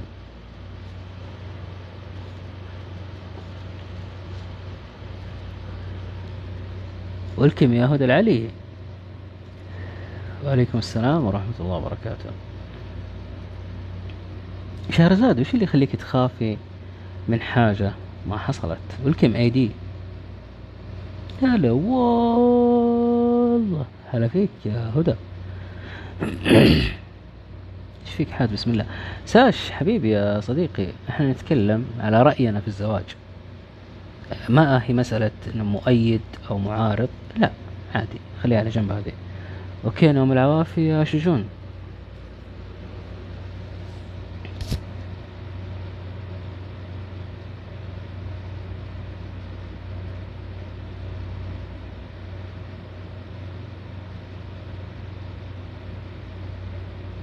إي أنا ناشب يا هدى ما في مشكلة. ولكم دكتور مو ولكم ولكم. أهلا وسهلا. أيوه أنا تزوجت فكرة الزواج مرة لا. طيب آه، تجربة واحدة ما تعني إن الموضوع سيء جدا. ابدا ما تعني إن الموضوع سيء.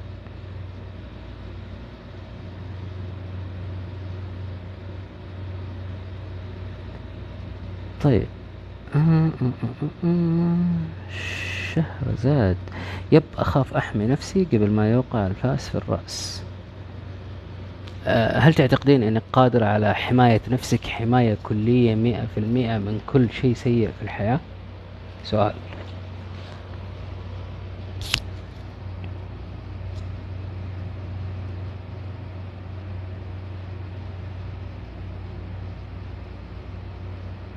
بالتوفيق يا ساش. هذه وجهة نظرك وأحترمها جدا ما عندي مشكلة. ولكم يا أبو صالح الله يوفقك يا نفال الله يوفقك ويسر لك أمرك يا رب. آه مبدأ من خاف سلم أعتقد إنه له مواضع يا شهرزاد. عليكم السلام يا أبو صالح أهلا وسهلا. له مواضع طيب آه لا مسألة إنه أنا أمتنع عن شيء عشان بس أنا خايف هذه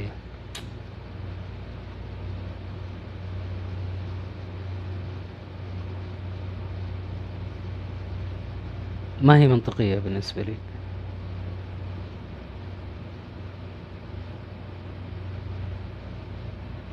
ثواني بس.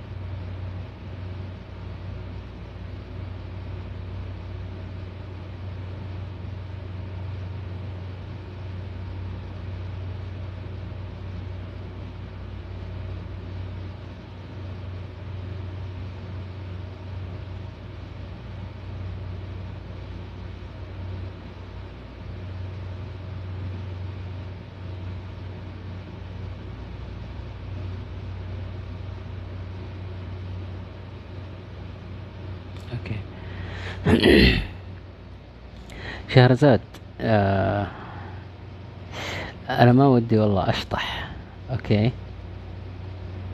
ما ودي أشطح للأمانة. بس بقول لك على شغلة. وش الموقف اللي وصلك للدرجة هذه؟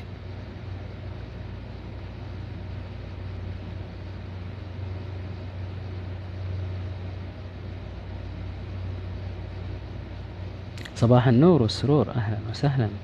ولكم يا عبد الرحمن في أمان الله يا ساش.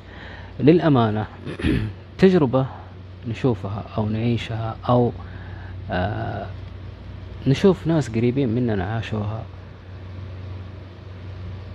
ما هو لازم إننا إحنا نعيشها. ولكم يا شهد ولكم يا زهرة. أعتقد إنه مفهوم خاطئ إني أنا أعمم التجارب هذه على الكل. طيب أنا ممكن أكون رجل وأقول والله أنا ما أبغى أتزوج لأن أنا خايف من الخيانة. ليش يا ليلو؟ ليش؟ ليش؟ أعطونا مفاهيمكم للزواج أعطونا. خلينا نشوف يعني شهرزاد تقول آه تخاف من الخيانة. من إيش تخاف يا ليلو؟ الخوف الموقف ان اقرب الناس لي صاحبتي تزوجت وزوجها يضربها ومذوقها المر وأنا خفت. آه قلت لك ما أبغى أتفلسف بس آه واضح إنه في موقف. أنت ماخذة موقف مرة. فما أعتقد إن الشيء هذا أساسي. مسألة الضرب هذه خليها على جنب لأنه ما أعتقد إنه في رجل عاقل آه يرضى إنه يمد يده على زوجته. نقطة. الموقف الثاني موقف الخيانة. أنا ما أعرف إيش اللي صاير بين الطرفين فمستحيل إني أجي أسمع من طرف واحد وأحكم على الطرف الثاني إنه هو الجاني أو هو المذنب. لابد يكون في شيء في النص. لا أنا فاهمه ولا أنت فاهمته. آه ليس خوف وإنما شعوره بداخلي شعور سيء. آه لا أجد راحة تجاه هذا الموضوع. والله آه آسف جدا على هذا الشعور السيء الذي تشعر فيه يا ليلو حبيبي نداتشي آه ما أحب سيرة الزواج مرة دوخ ولكم يا حسين ولكم يا عتيق ولكم يا أحمد. الموضوع ترى مو دائما إنه آه بالضبط يا ماجد أنا ما أنا قاعد أقول إنه ما ما يعطي الحق إنه يمد يده عليها. بينك وبينها عقد انتهى يعني ما توافقت ما توافقت وانتهى. لا تقعد آه تمارس حقوق غير مشروعة. هذا غباء والله. أحس إنه فعلا إنسان ساذج اللي يمد يده على حرمة بس بكل بساطة.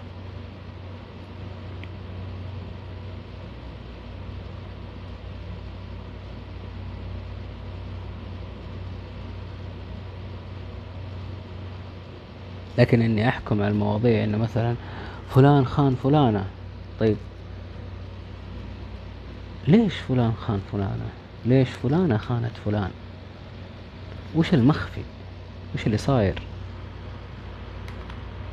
في أشياء إحنا ما نشوفها. في أشياء هم شايفينها وعارفينها وعايشينها إحنا ما إحنا شايفينها. كيف نحكم عليهم بالطريقة هذه؟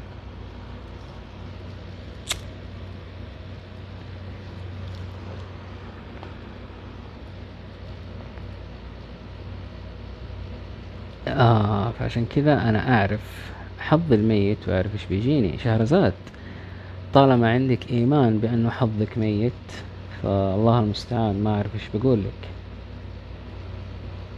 لأنه اعترافك هذا هو إقناع لنفسك أو آه حطيت نفسك قدام الأمر الواقع إنه أنا فعلا إنسانة حظي سيء حظي ميت حظي مدري إيش حظي أبو كلب أبو بس أبو أي شيء في الحياة. ف والله يا سباستيان يعني آه في مثل يقول الملافظ سعد يعني أتوقع أنه الكلمة الأخيرة لو استبدلتها بحاجة ثانية يعني أو الكلمة الأخيرة وما قبل الأخيرة اللي ما حبيتها للأمانة ف ما أدري إيش أقول لك.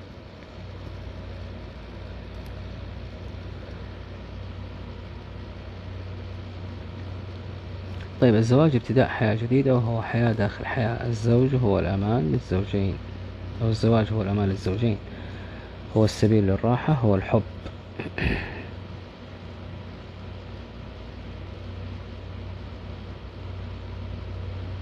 كلام جميل يا دكتور مهند لكن هل فعلا آه نعيش الشيء هذا ونشتغل عليه علشان يكون فعل ما يكون بس قول؟ هنا السؤال والكم مارلين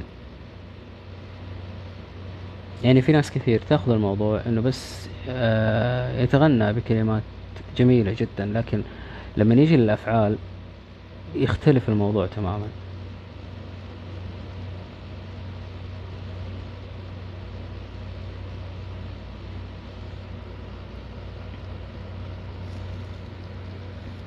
يعني لما أنا أفكر أتزوج أو لما أقدم على المرحلة هذه يكون في تفاهم بيني وبين الآدمية. إنه يا بنت الحلال ترى شوفي أنا إنسان ماني كامل وأنت إنسانة ما أنت كاملة.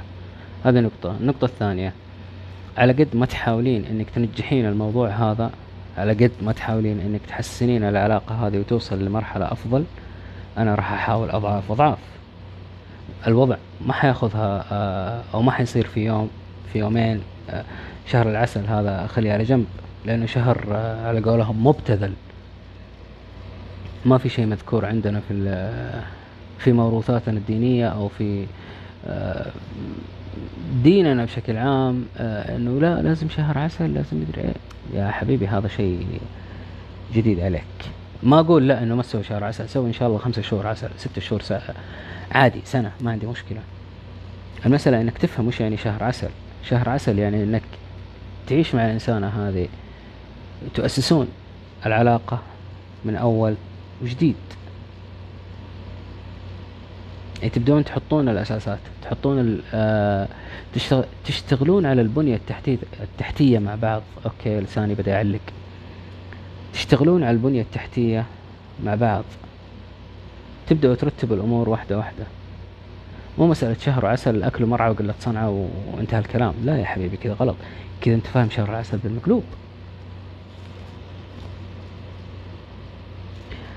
أنا ما أتزوج آه لأن لازم أتزوج آه أتزوج لما أكون واثقة مرتاحة مطمئنة للشيء اللي بقدم عليه مرح. فعلا لأنه إذا ما كان في توافق يعني إذا ما كان في علاقة آه ما صار في علاقة. لا حتى فترة الخطوبة أنا أشوف إنها من أسوأ الأشياء اللي ممكن إحنا نسويها في حياتنا. ليش؟ لأنها حتنقضي كلها تصنع في تصنع. كل واحد بيلمع نفسه بأفضل طريقة ممكنة. وللأمانة يعني هذا الشيء اللي حاصل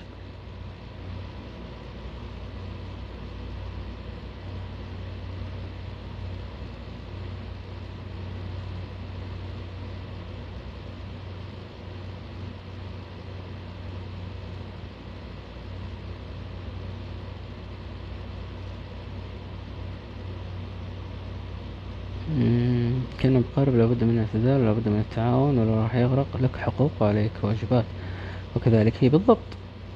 فرغ هالأفكار السلبية من عقلك وتفاعل انطلق بأحلامك الوردية. اللي بيتزوج أنا أقول له أهني وأقول أهني وأقول له عظم الله أجرك. أحس لما يجي هالموضوع ودي أتضارب.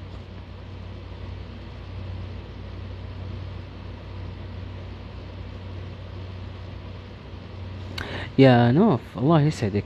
آه، أكبر دلالة على أنها راح آه، تسيء إلى الموضوع لأنه بيكون فيها تصنع زيادة عن الحد. فلما يتزوجوا أو لما يجتمعوا أخيرا مع بعضهم لابد واحد من الأطراف يتعب من التصنع أو يوصل لمرحلة أنه خلاص تعب من التصنع. فيبدأ ينكشف الوجه الحقيقي. لكن من البداية والله أنا فيني كذا وكذا وكذا وكذا. okay؟ okay. ما هو okay مع السلامة أمشي. انتهى. وعليكم السلام welcome ميش welcome welcome welcome welcome فراولة welcome welcome طيب تفضلي اسأل يا شهد. آه، أول مرة أسمعها كل خاطب كذاب لكن ما أعرف آه، إيش المقصود فيها. الخاطب اللي يروح يخطب يعني يبغى يتزوج ولا الخاطب اللي يقعد يتحدث أو يتكلم من منبر ما؟ فوضح لي يا أبو صالح الله يسعدك. والله آه عندنا مواضيع ما تحتمل الكذب يا كاريزما.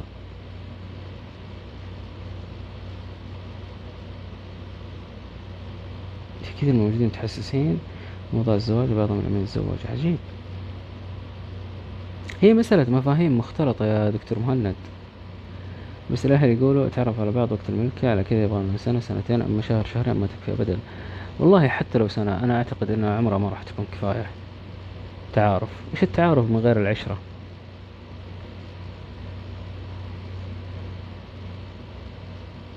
إيش الشيء الإيجابي اللي بتلاقيه في حياتك؟ وأنت متزوج غير عن حياتك وأنت أعزب. الشيء الإيجابي اللي بلاقيه في حياتي وأنا متزوج إنه بيكون عندي عائلة. عائلة بعيدا عن عائلتي. أمي وأبوي okay. أخواني أخواتي okay. كل واحد فيهم راح يتزوج راح يشوف حياته. أمي وأبوي بيجي لهم وقت بيتوفون. طيب وأنا بعدين إيش راح أسوي؟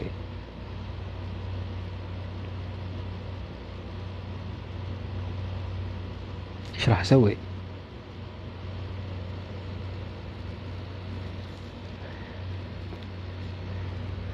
هو ما أعتقد أنها مزرعة يا ماجد لكن لك رأي و وجب الاحترام.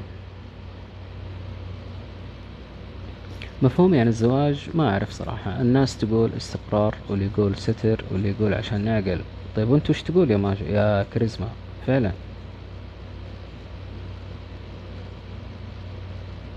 ممتاز يا نداتشي وأنت وش تقول؟ بغض النظر عن ذا كل الزواج مودة ورحمة. طيب زوجت خلفت بعدين إيش الجديد آه okay يعني أنت شايفة إنه الزواج بس إنك تتزوجي وتخلفي وخلاص انتهى دورك أنت تبي شيء جديد؟ الشيء الجديد إنك راح تربي أولادك. الشيء الجديد إنك راح تكبريهم راح تعلميهم راح تفهميهم راح تبني جيل للمستقبل. هذا الشيء الجديد في الموضوع. متعة الرحلة ما هي في الزواج بس متعة الرحلة فيما بعد الزواج. كل خاطب كذاب. قصة عصفور في عهد النبي سليمان عليه السلام. كان يقول, كان يقول لعصفورة ببني لك عش في قصر.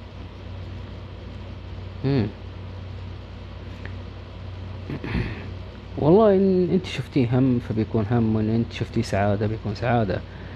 والكم اللي طبوا منورين أهلا وسهلا.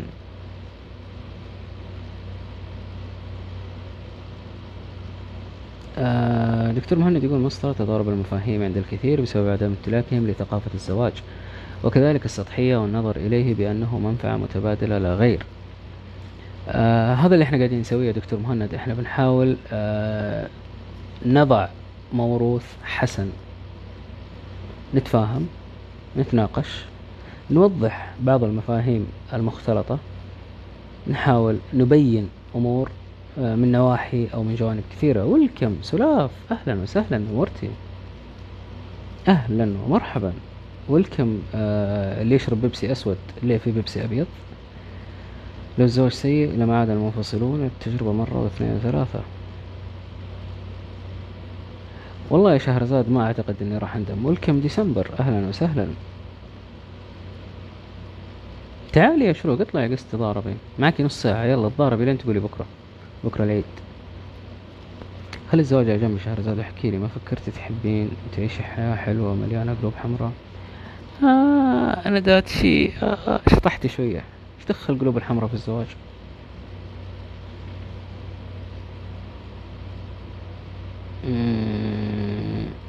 لا لا ما هي مسألة طاقة سلبية لا ما مسألة بالعكس عادي يمكن شوف التجارب هذه آه لعبة دور لعبة دور كبير في إنه يتبلور عندها الفكرة هذه عن الزواج. صدقيني لو جربته راح تغير رأيها تماما تماما تماما.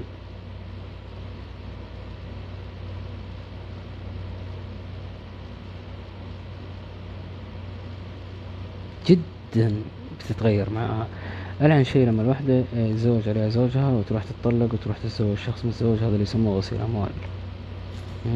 مشاركة جميلة يا ماجد.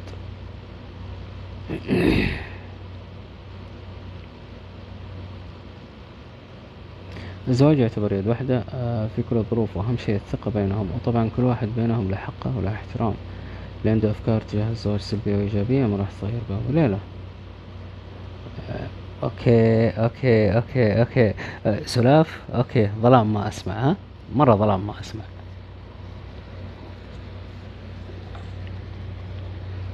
يعني جات هي على اللون. هي ما هي مسألة لون مسألة فكرة.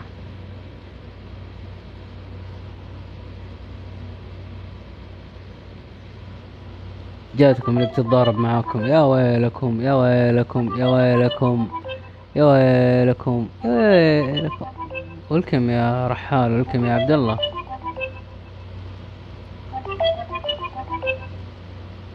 ألو السلام عليكم. وعليكم السلام ورحمة الله. صباح الخير. صباح النور. كيف حالك؟ الحمد لله كيفك أنت؟ الحمد لله تمام. إيش عندك تبين تتضاربين؟ يعني طاقة سلبية يعني اخذتيها من شهرزاد وجاية تفكينا علينا ولا إيش الهرجة؟ لا والله بس الموضوع هذا مرة يقهر بصراحة ف... ليش؟ كذا. أنا برأيي إنه طيب ما في سلام يعني عليكم للناس الموجودين في ال- البث آه، ولا. ولا ما هم مالين عينك يعني؟ طب ما أنا كنت معاكم يلا هاتي هاتي تحية لكل الموجودين أحبكم كلكم. يلا أوكي خلاص. أحبكم كل يعني خلاص سروا عني خلوني أتضارب أبغى أتضارب. داخله كذا مشمرة عن آه، شو اسمه سواعدها. يلا أختي خشي خشي يلا. آه شوف أنا أتوقع إنه المجتمع أعطى مفاهيم جدا خاطئة للزواج. يعني من يوم ما إحنا صغار وبنوعى على الدنيا نعرف إنه الحرمة آه لازم تدار الرجال ولازم تلبي له طلباته ولازم تكون آه على أحسن هيئة ولازم ولازم ولازم كل شيء على الحرمة.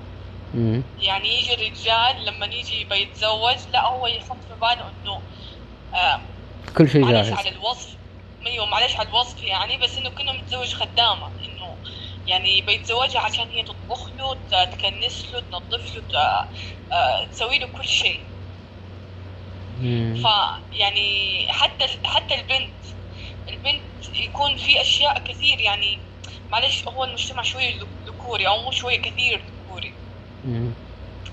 آه، يعطي لنفسه الحق إنه أوكي أنا عندي بنت أو عندي زوجة يعني أنا آه، المتحكم الوحيد في حياتها. لا معلش ما أنت المتحكم. يعني مو عشان أنت خلفت بنت أو عشان أنت تزوجت حرمة معناها أنت تكون متحكم في حياتها. لا كل شخص له شخصيته له اهتماماته. مو شرط عشان أنت أبويا أو أخويا أو أو اي أي صله قرابة يعني معناه يعطيك الحق يعطيك يعطيك الحق إنك أنت تتحكم في حياتي آه إحنا كبرنا على إنه أنا بسوي كذا لا لما تتزوجي. أنا بسوي كذا لا لما تتزوجي. لا عند زوج عند زوجك في بيت زوجك ماني عارفه إيش. لا مو كل شيء. أفرض طيب أنا يعني بانية نفسي على هذه الآمال إنه أنا تزوجت على أساس إنه أنا والله بحقق أحلامي مع زوجي. يجي زوجي يعني أتعس وأتعس يقول لي لا وما لا. ليه؟ ليه أنا أنحط في ده الموقف؟ فعليا المجتمع صار زي كذا أو مو صار هو من زمان زي كذا. ما أدري متى حيتفتح متى حيكون إنه آه كل شخص له شخصيته له اهتماماته له متطلباته اللي يبغى يسويها مو شرط أنا أعلق نفسي برجل مو نفس مو شرط أنا أعلق نفسي في أحد عشان آه، أسوي الاشياء اللي أنا أبغاها. وحتى الرجال مو معناه إنك أنت حتتزوج يعني والله أنت آه، حيكون حياتك وردية وحرمتك حتلبي لك جميع طلباتك. لا هي حياة مشاركة. أنت تقدم وأنا أقدم. الزواج طيب ليش ال... عند- ليش يعني الانثى مفهوم. ليش الأنثى لما تتزوج؟ معلش سامحيني بقاطعك. يكون على بالها أن زوجها والله بياخذها آه في الزواج يوديها تركيا. بعد الزواج آه لما يرجع من تركيا يروح يسلم على أهلها بعدين يروح يسلم على أهله بعدين يروح يوديها على سويسرا. بعد ما يرجع من سويسرا تروح تسلم على أهلها وبعدين تروح تسلم على أهله بعدين يروح يوديها تسوي شوبينج في دبي. بعدين لما يرجع من هناك لا شوفي دقيقة. دقيقة دقيقة. إحنا نتكلم آه على الطرفين okay؟ آه من وجهة نظر الأنثى ومن وجهة نظر الرجل. okay؟ يعني okay، بس لكل مين زرع واحد فيهم لكل؟ واحد لكل فيهم؟ واحد عنده مفهوم. تمام؟ طيب أنا لما أجي أقول والله المجتمع عندي مفهومه خطأ عن الموضوع هذا. طيب واقعد أتكلم في كل مكان المجتمع في عنده مفهوم خطأ عن الزواج. المجتمع آه خلاص حط إنه البنت آه لما تتزوج تصير خدامة. طيب هل البنت أو الولد فاهمين وش الحقوق والواجبات اللي لهم واللي عليهم؟ مو كلهم مو كلهم عندهم نفس الثقافة. يعني أنا إنسانة أوكي عندي هذه الثقافة ممكن ما كانت عندي أول ما تزوجت ممكن هي جاتني مع الأيام مع الظلم الزواج؟ اللي مثلا أنا عشته أو مفهومك عن أو- الزواج يا شروق. ها؟ مفهومك عن الزواج إيش هو؟ مفهومي عن الزواج إنها حياة مشاركة بناء يعني بيت عائلة آه، أنت تقدم وأنا أقدم. إحنا بنعيش في الحياة عشان نكون مع بعض. ضروري ضروري إنه يكون في توافق توافق في ال- في الفكر توافق في في الحياة في أي شيء. صعب إنك أنت تعيش مثلا مع إنسان أنت مو متوافق معاه. طب أنتوا كيف حتمشوا المركب هذا؟ هل حتوافق معاه من أول يوم من أول أسبوع من أول أكيد شهر؟ ما حتوافق معاه من أول يوم أكيد.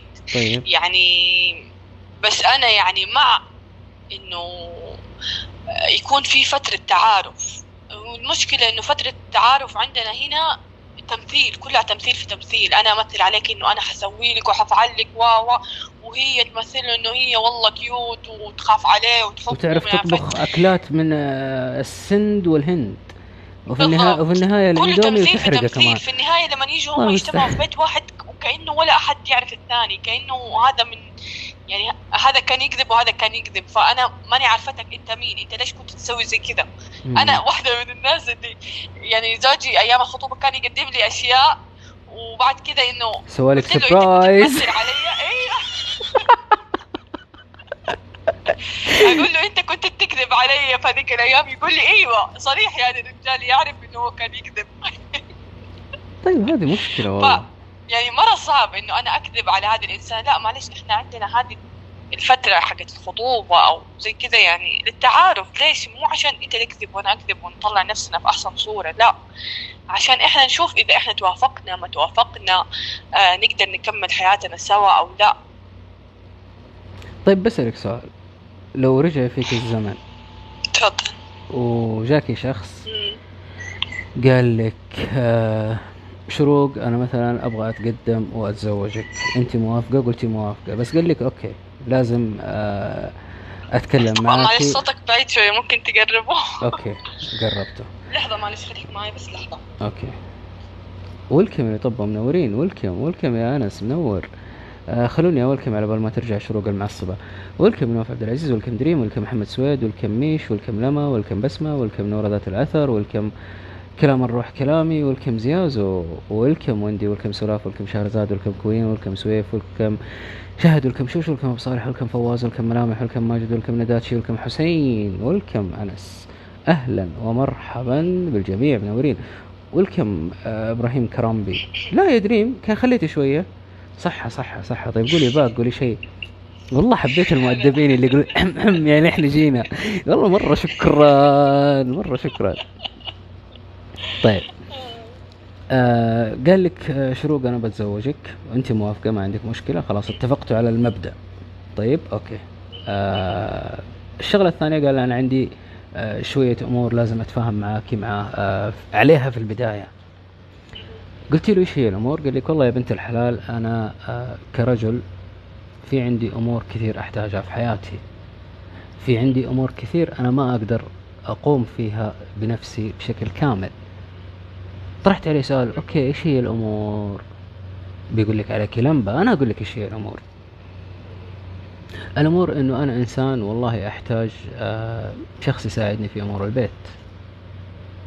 أنا إنسان أقضي يومي كله مثلا في العمل أقضي عشر ساعات آه، تسع ساعات آه، أروح هنا أروح هنا أسوي كذا أسوي كذا كله عشان أحاول أبني حياتي بشكل أفضل فأحتاج مثلا شخص يساعدني في ترتيب البيت في أكل في شرب في غسيل في تنظيف في ترتيب بحيث إنه يكون لك كامل الصلاحية أو يكون للشخص هذا كامل الصلاحية إنه يتصرف في المكان هذا باللي يناسبه أو بالشيء اللي يشوفه مناسب له إيش راح تردي عليه؟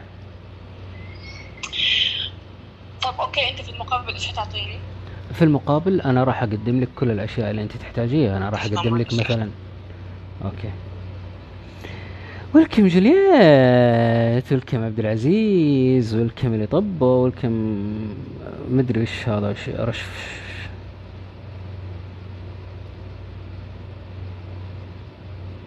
صبرا جميل والله المستعان يا سلاف صبرا جميل والله المستعان.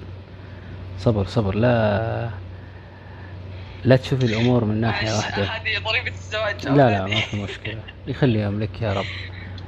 طيب لو جاكي. قال لك آه أنا راح أقدم لك في المقابل إنه أي شيء أنت ممكن تحتاجيه آه مثلا مصروف مثلا أغراض مثلا أي شيء يعني أوكي أوفر لك المكان أوفر لك البيت أوفر لك الاحترام أوفر لك التقدير.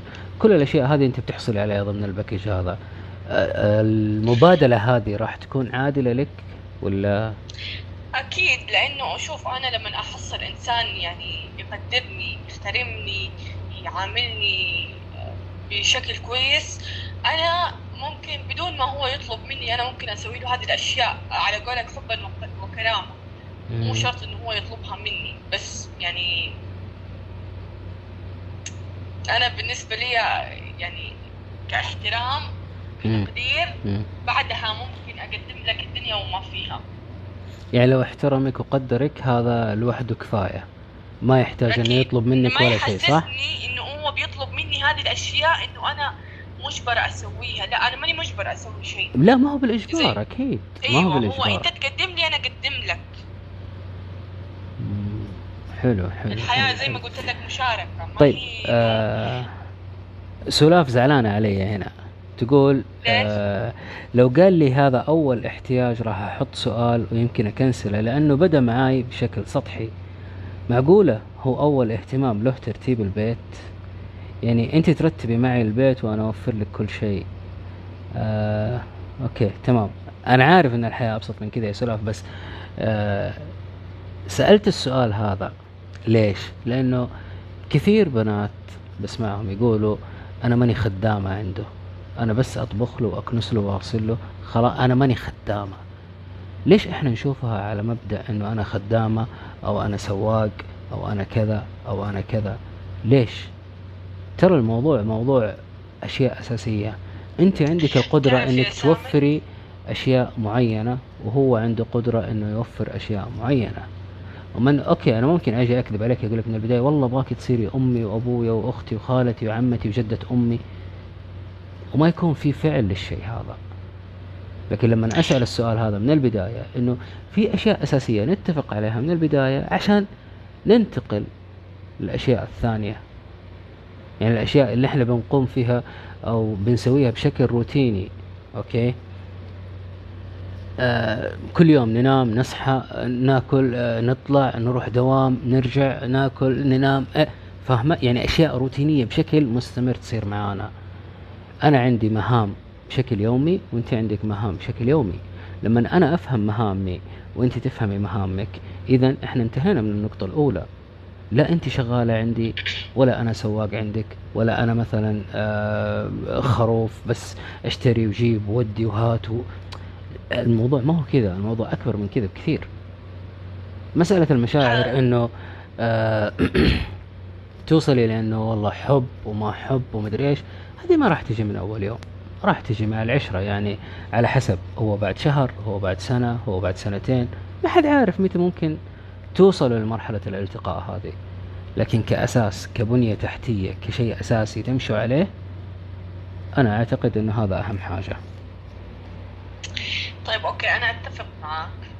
لكن هذا الكلام ممكن تقول لي يعني تقول لي هو والكلام سهل.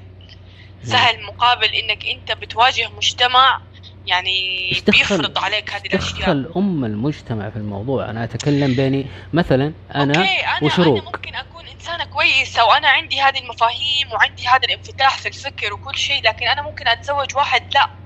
لا مخه مخه مخ قديم. لا معلش انت غصب عنك تسوي لي وغصب عنك وغصب عنك. يعني مو كل الناس اللي بنرتبط فيهم بيكون عندهم الفكر المتفتح هذا. في ناس يقول لك لا أنا متربي على كذا. انت انت كذا هذه هذه مهامك. انت لازم تسوي كذا غصبا عنك.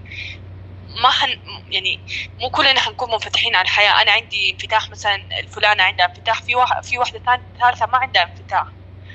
وب- وبالنسبة للرجال نفس الموضوع. فهنا هنا هنا ال- ال- المشكلة. إنه إحنا عايشين في مجتمع لا كل أو عفوا نصه نصه منفتح ونصه لا يقول لك لا الحرمة كذا كذا كذا هذه مهامها طب بسألك سؤال. ممكن؟ تفضل.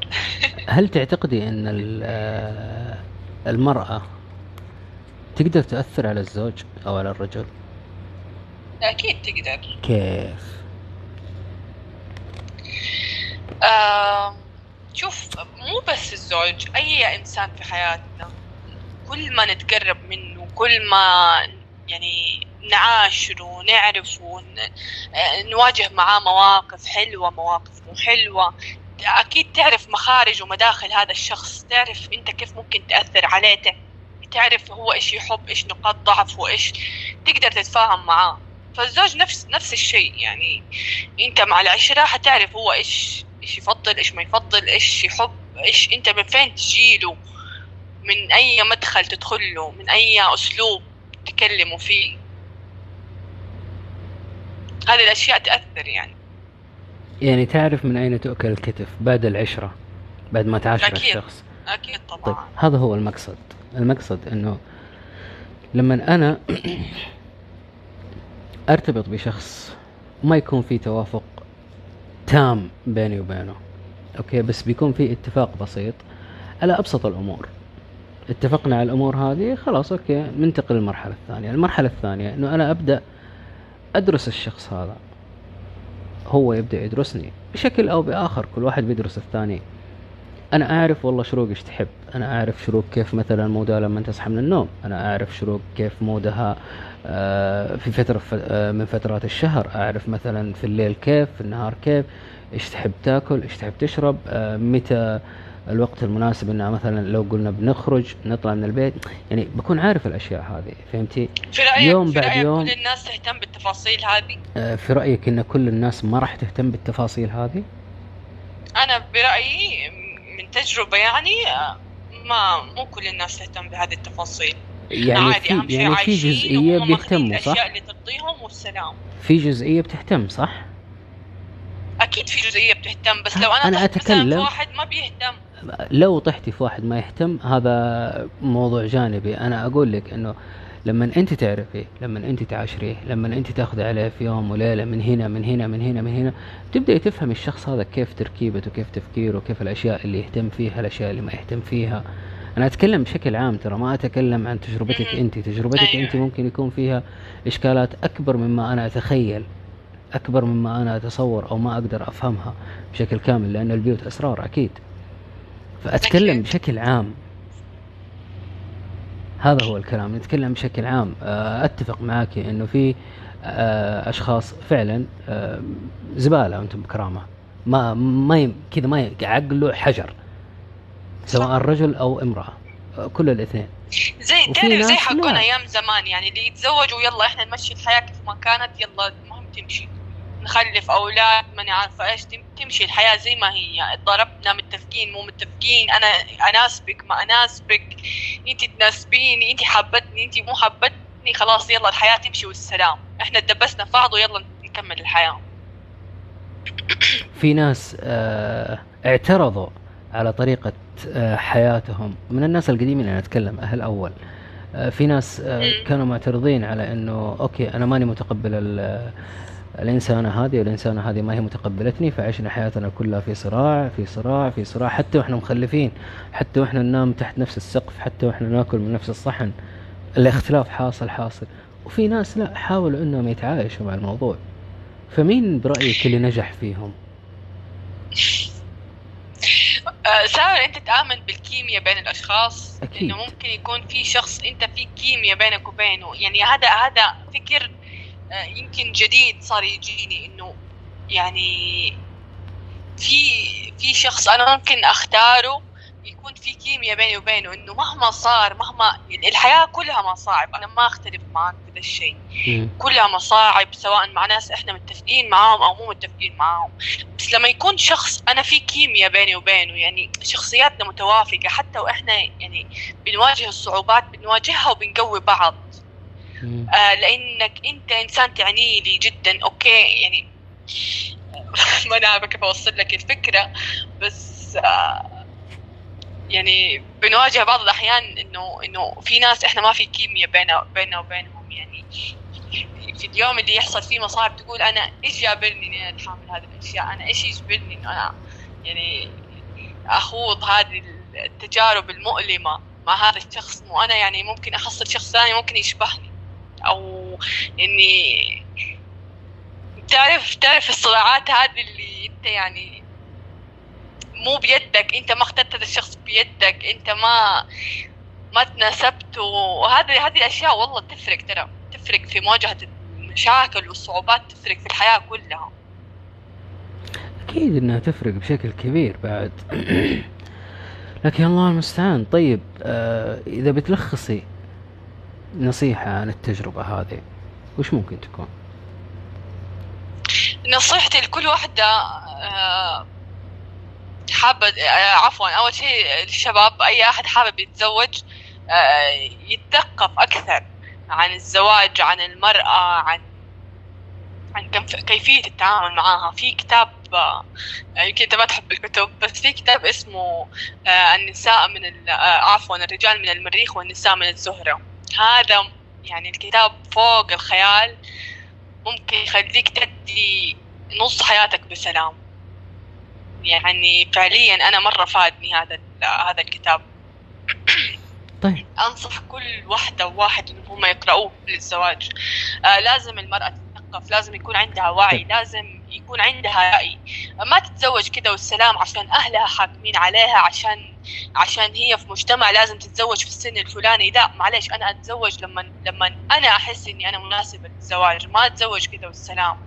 يعني ممكن تكوني اختيار. للزواج في سن 60 سنة وممكن تكوني مناسبة للزواج في عمر 15 في سنة. اي سن عادي عادي. أنا ما شفت نفسي والله قادرة إني أنا أتحمل. تقولي لا ما تجيني بالإجبار وتقولي أنا لازم في السن الفلاني أنا والله عدى عليك العمر وانت ما تزوجتي عادي حتى لو عمري 60 وأنا دوبي فكرت أتزوج. إيش المشكلة؟ متى راح تخلفي؟ ما أقدر. يعني واحد من مشكلة، الزواج مو مشكلة. ما دام هذا عن قناعتي أنا أنا اتحمل أتحمل مسؤوليتي إني أنا ما خلفت. والله لكن ما أتزوج مجبرة. ما أتزوج عشان كلام الناس. ما أتزوج عشان كلام أهلي. ما أتزوج عشان المجتمع. مم. أنا أتزوج أدخل في العلاقة هذه عشان أنا أبغى أتزوج. مم. مو عشان أحد يبغاني أتزوج لا في النهاية هذه حياتي وأنا اللي بعيشها وأنا اللي بمر بالمصاعب هذه وأنا اللي حواجه كل شيء. فخلوني على راحتي. أوكي ما خلفت عادي ربنا شرع لنا ال- التبني. تبني؟ التبني. لا أنت بتدخلينا في دوامة ثانية الحين. عموما يعطيك العافية شكرا ما قصرتي. معلش سامحيني يعني ممكن ال- الموضوع كان صعب جدا. آه، مو لك. آه، من تجربة آه، ما أعرف كيف ما أبغى أحكم عليها هي ناجحة هي فاشلة. وجهة نظرك وتحتمل على تستحق الاحترام والتقدير. الله يسعدك فلأنه البث على النهاية وشايف في ما شاء الله ناس جميلين حابين يشاركون في معنا دكتور مهند حابب يشارك. تمام آه، أوكي. باقي معي يعطيك تقريبا. آه، ست دقائق لكن خلينا ننتقل على بث ثاني. نصير ناخذ الموضوع آه، هناك بأريحية أكبر واللي حابب يشارك معنا يطلع. تمام يعطيك العافية. فيعطيك مع السلامة. العافية. شكرا لك يا. شروق شكرا. مع السلامة. طيب آه اللي حابب يطلع معي قست يضيفني على الحساب هذا. آه بس عشان القست بعد كذا آه راح أحذف.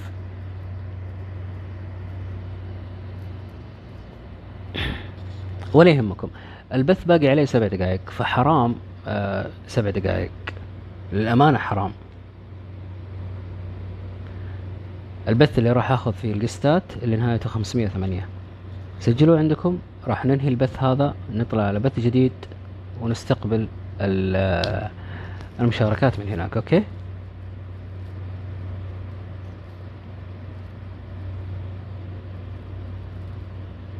كملي تضارب هنا. لا يا أختي فكينا ما ما نبغى تضارب ولا شيء. آه، بالعكس الأمور طيبة وإحنا بخير.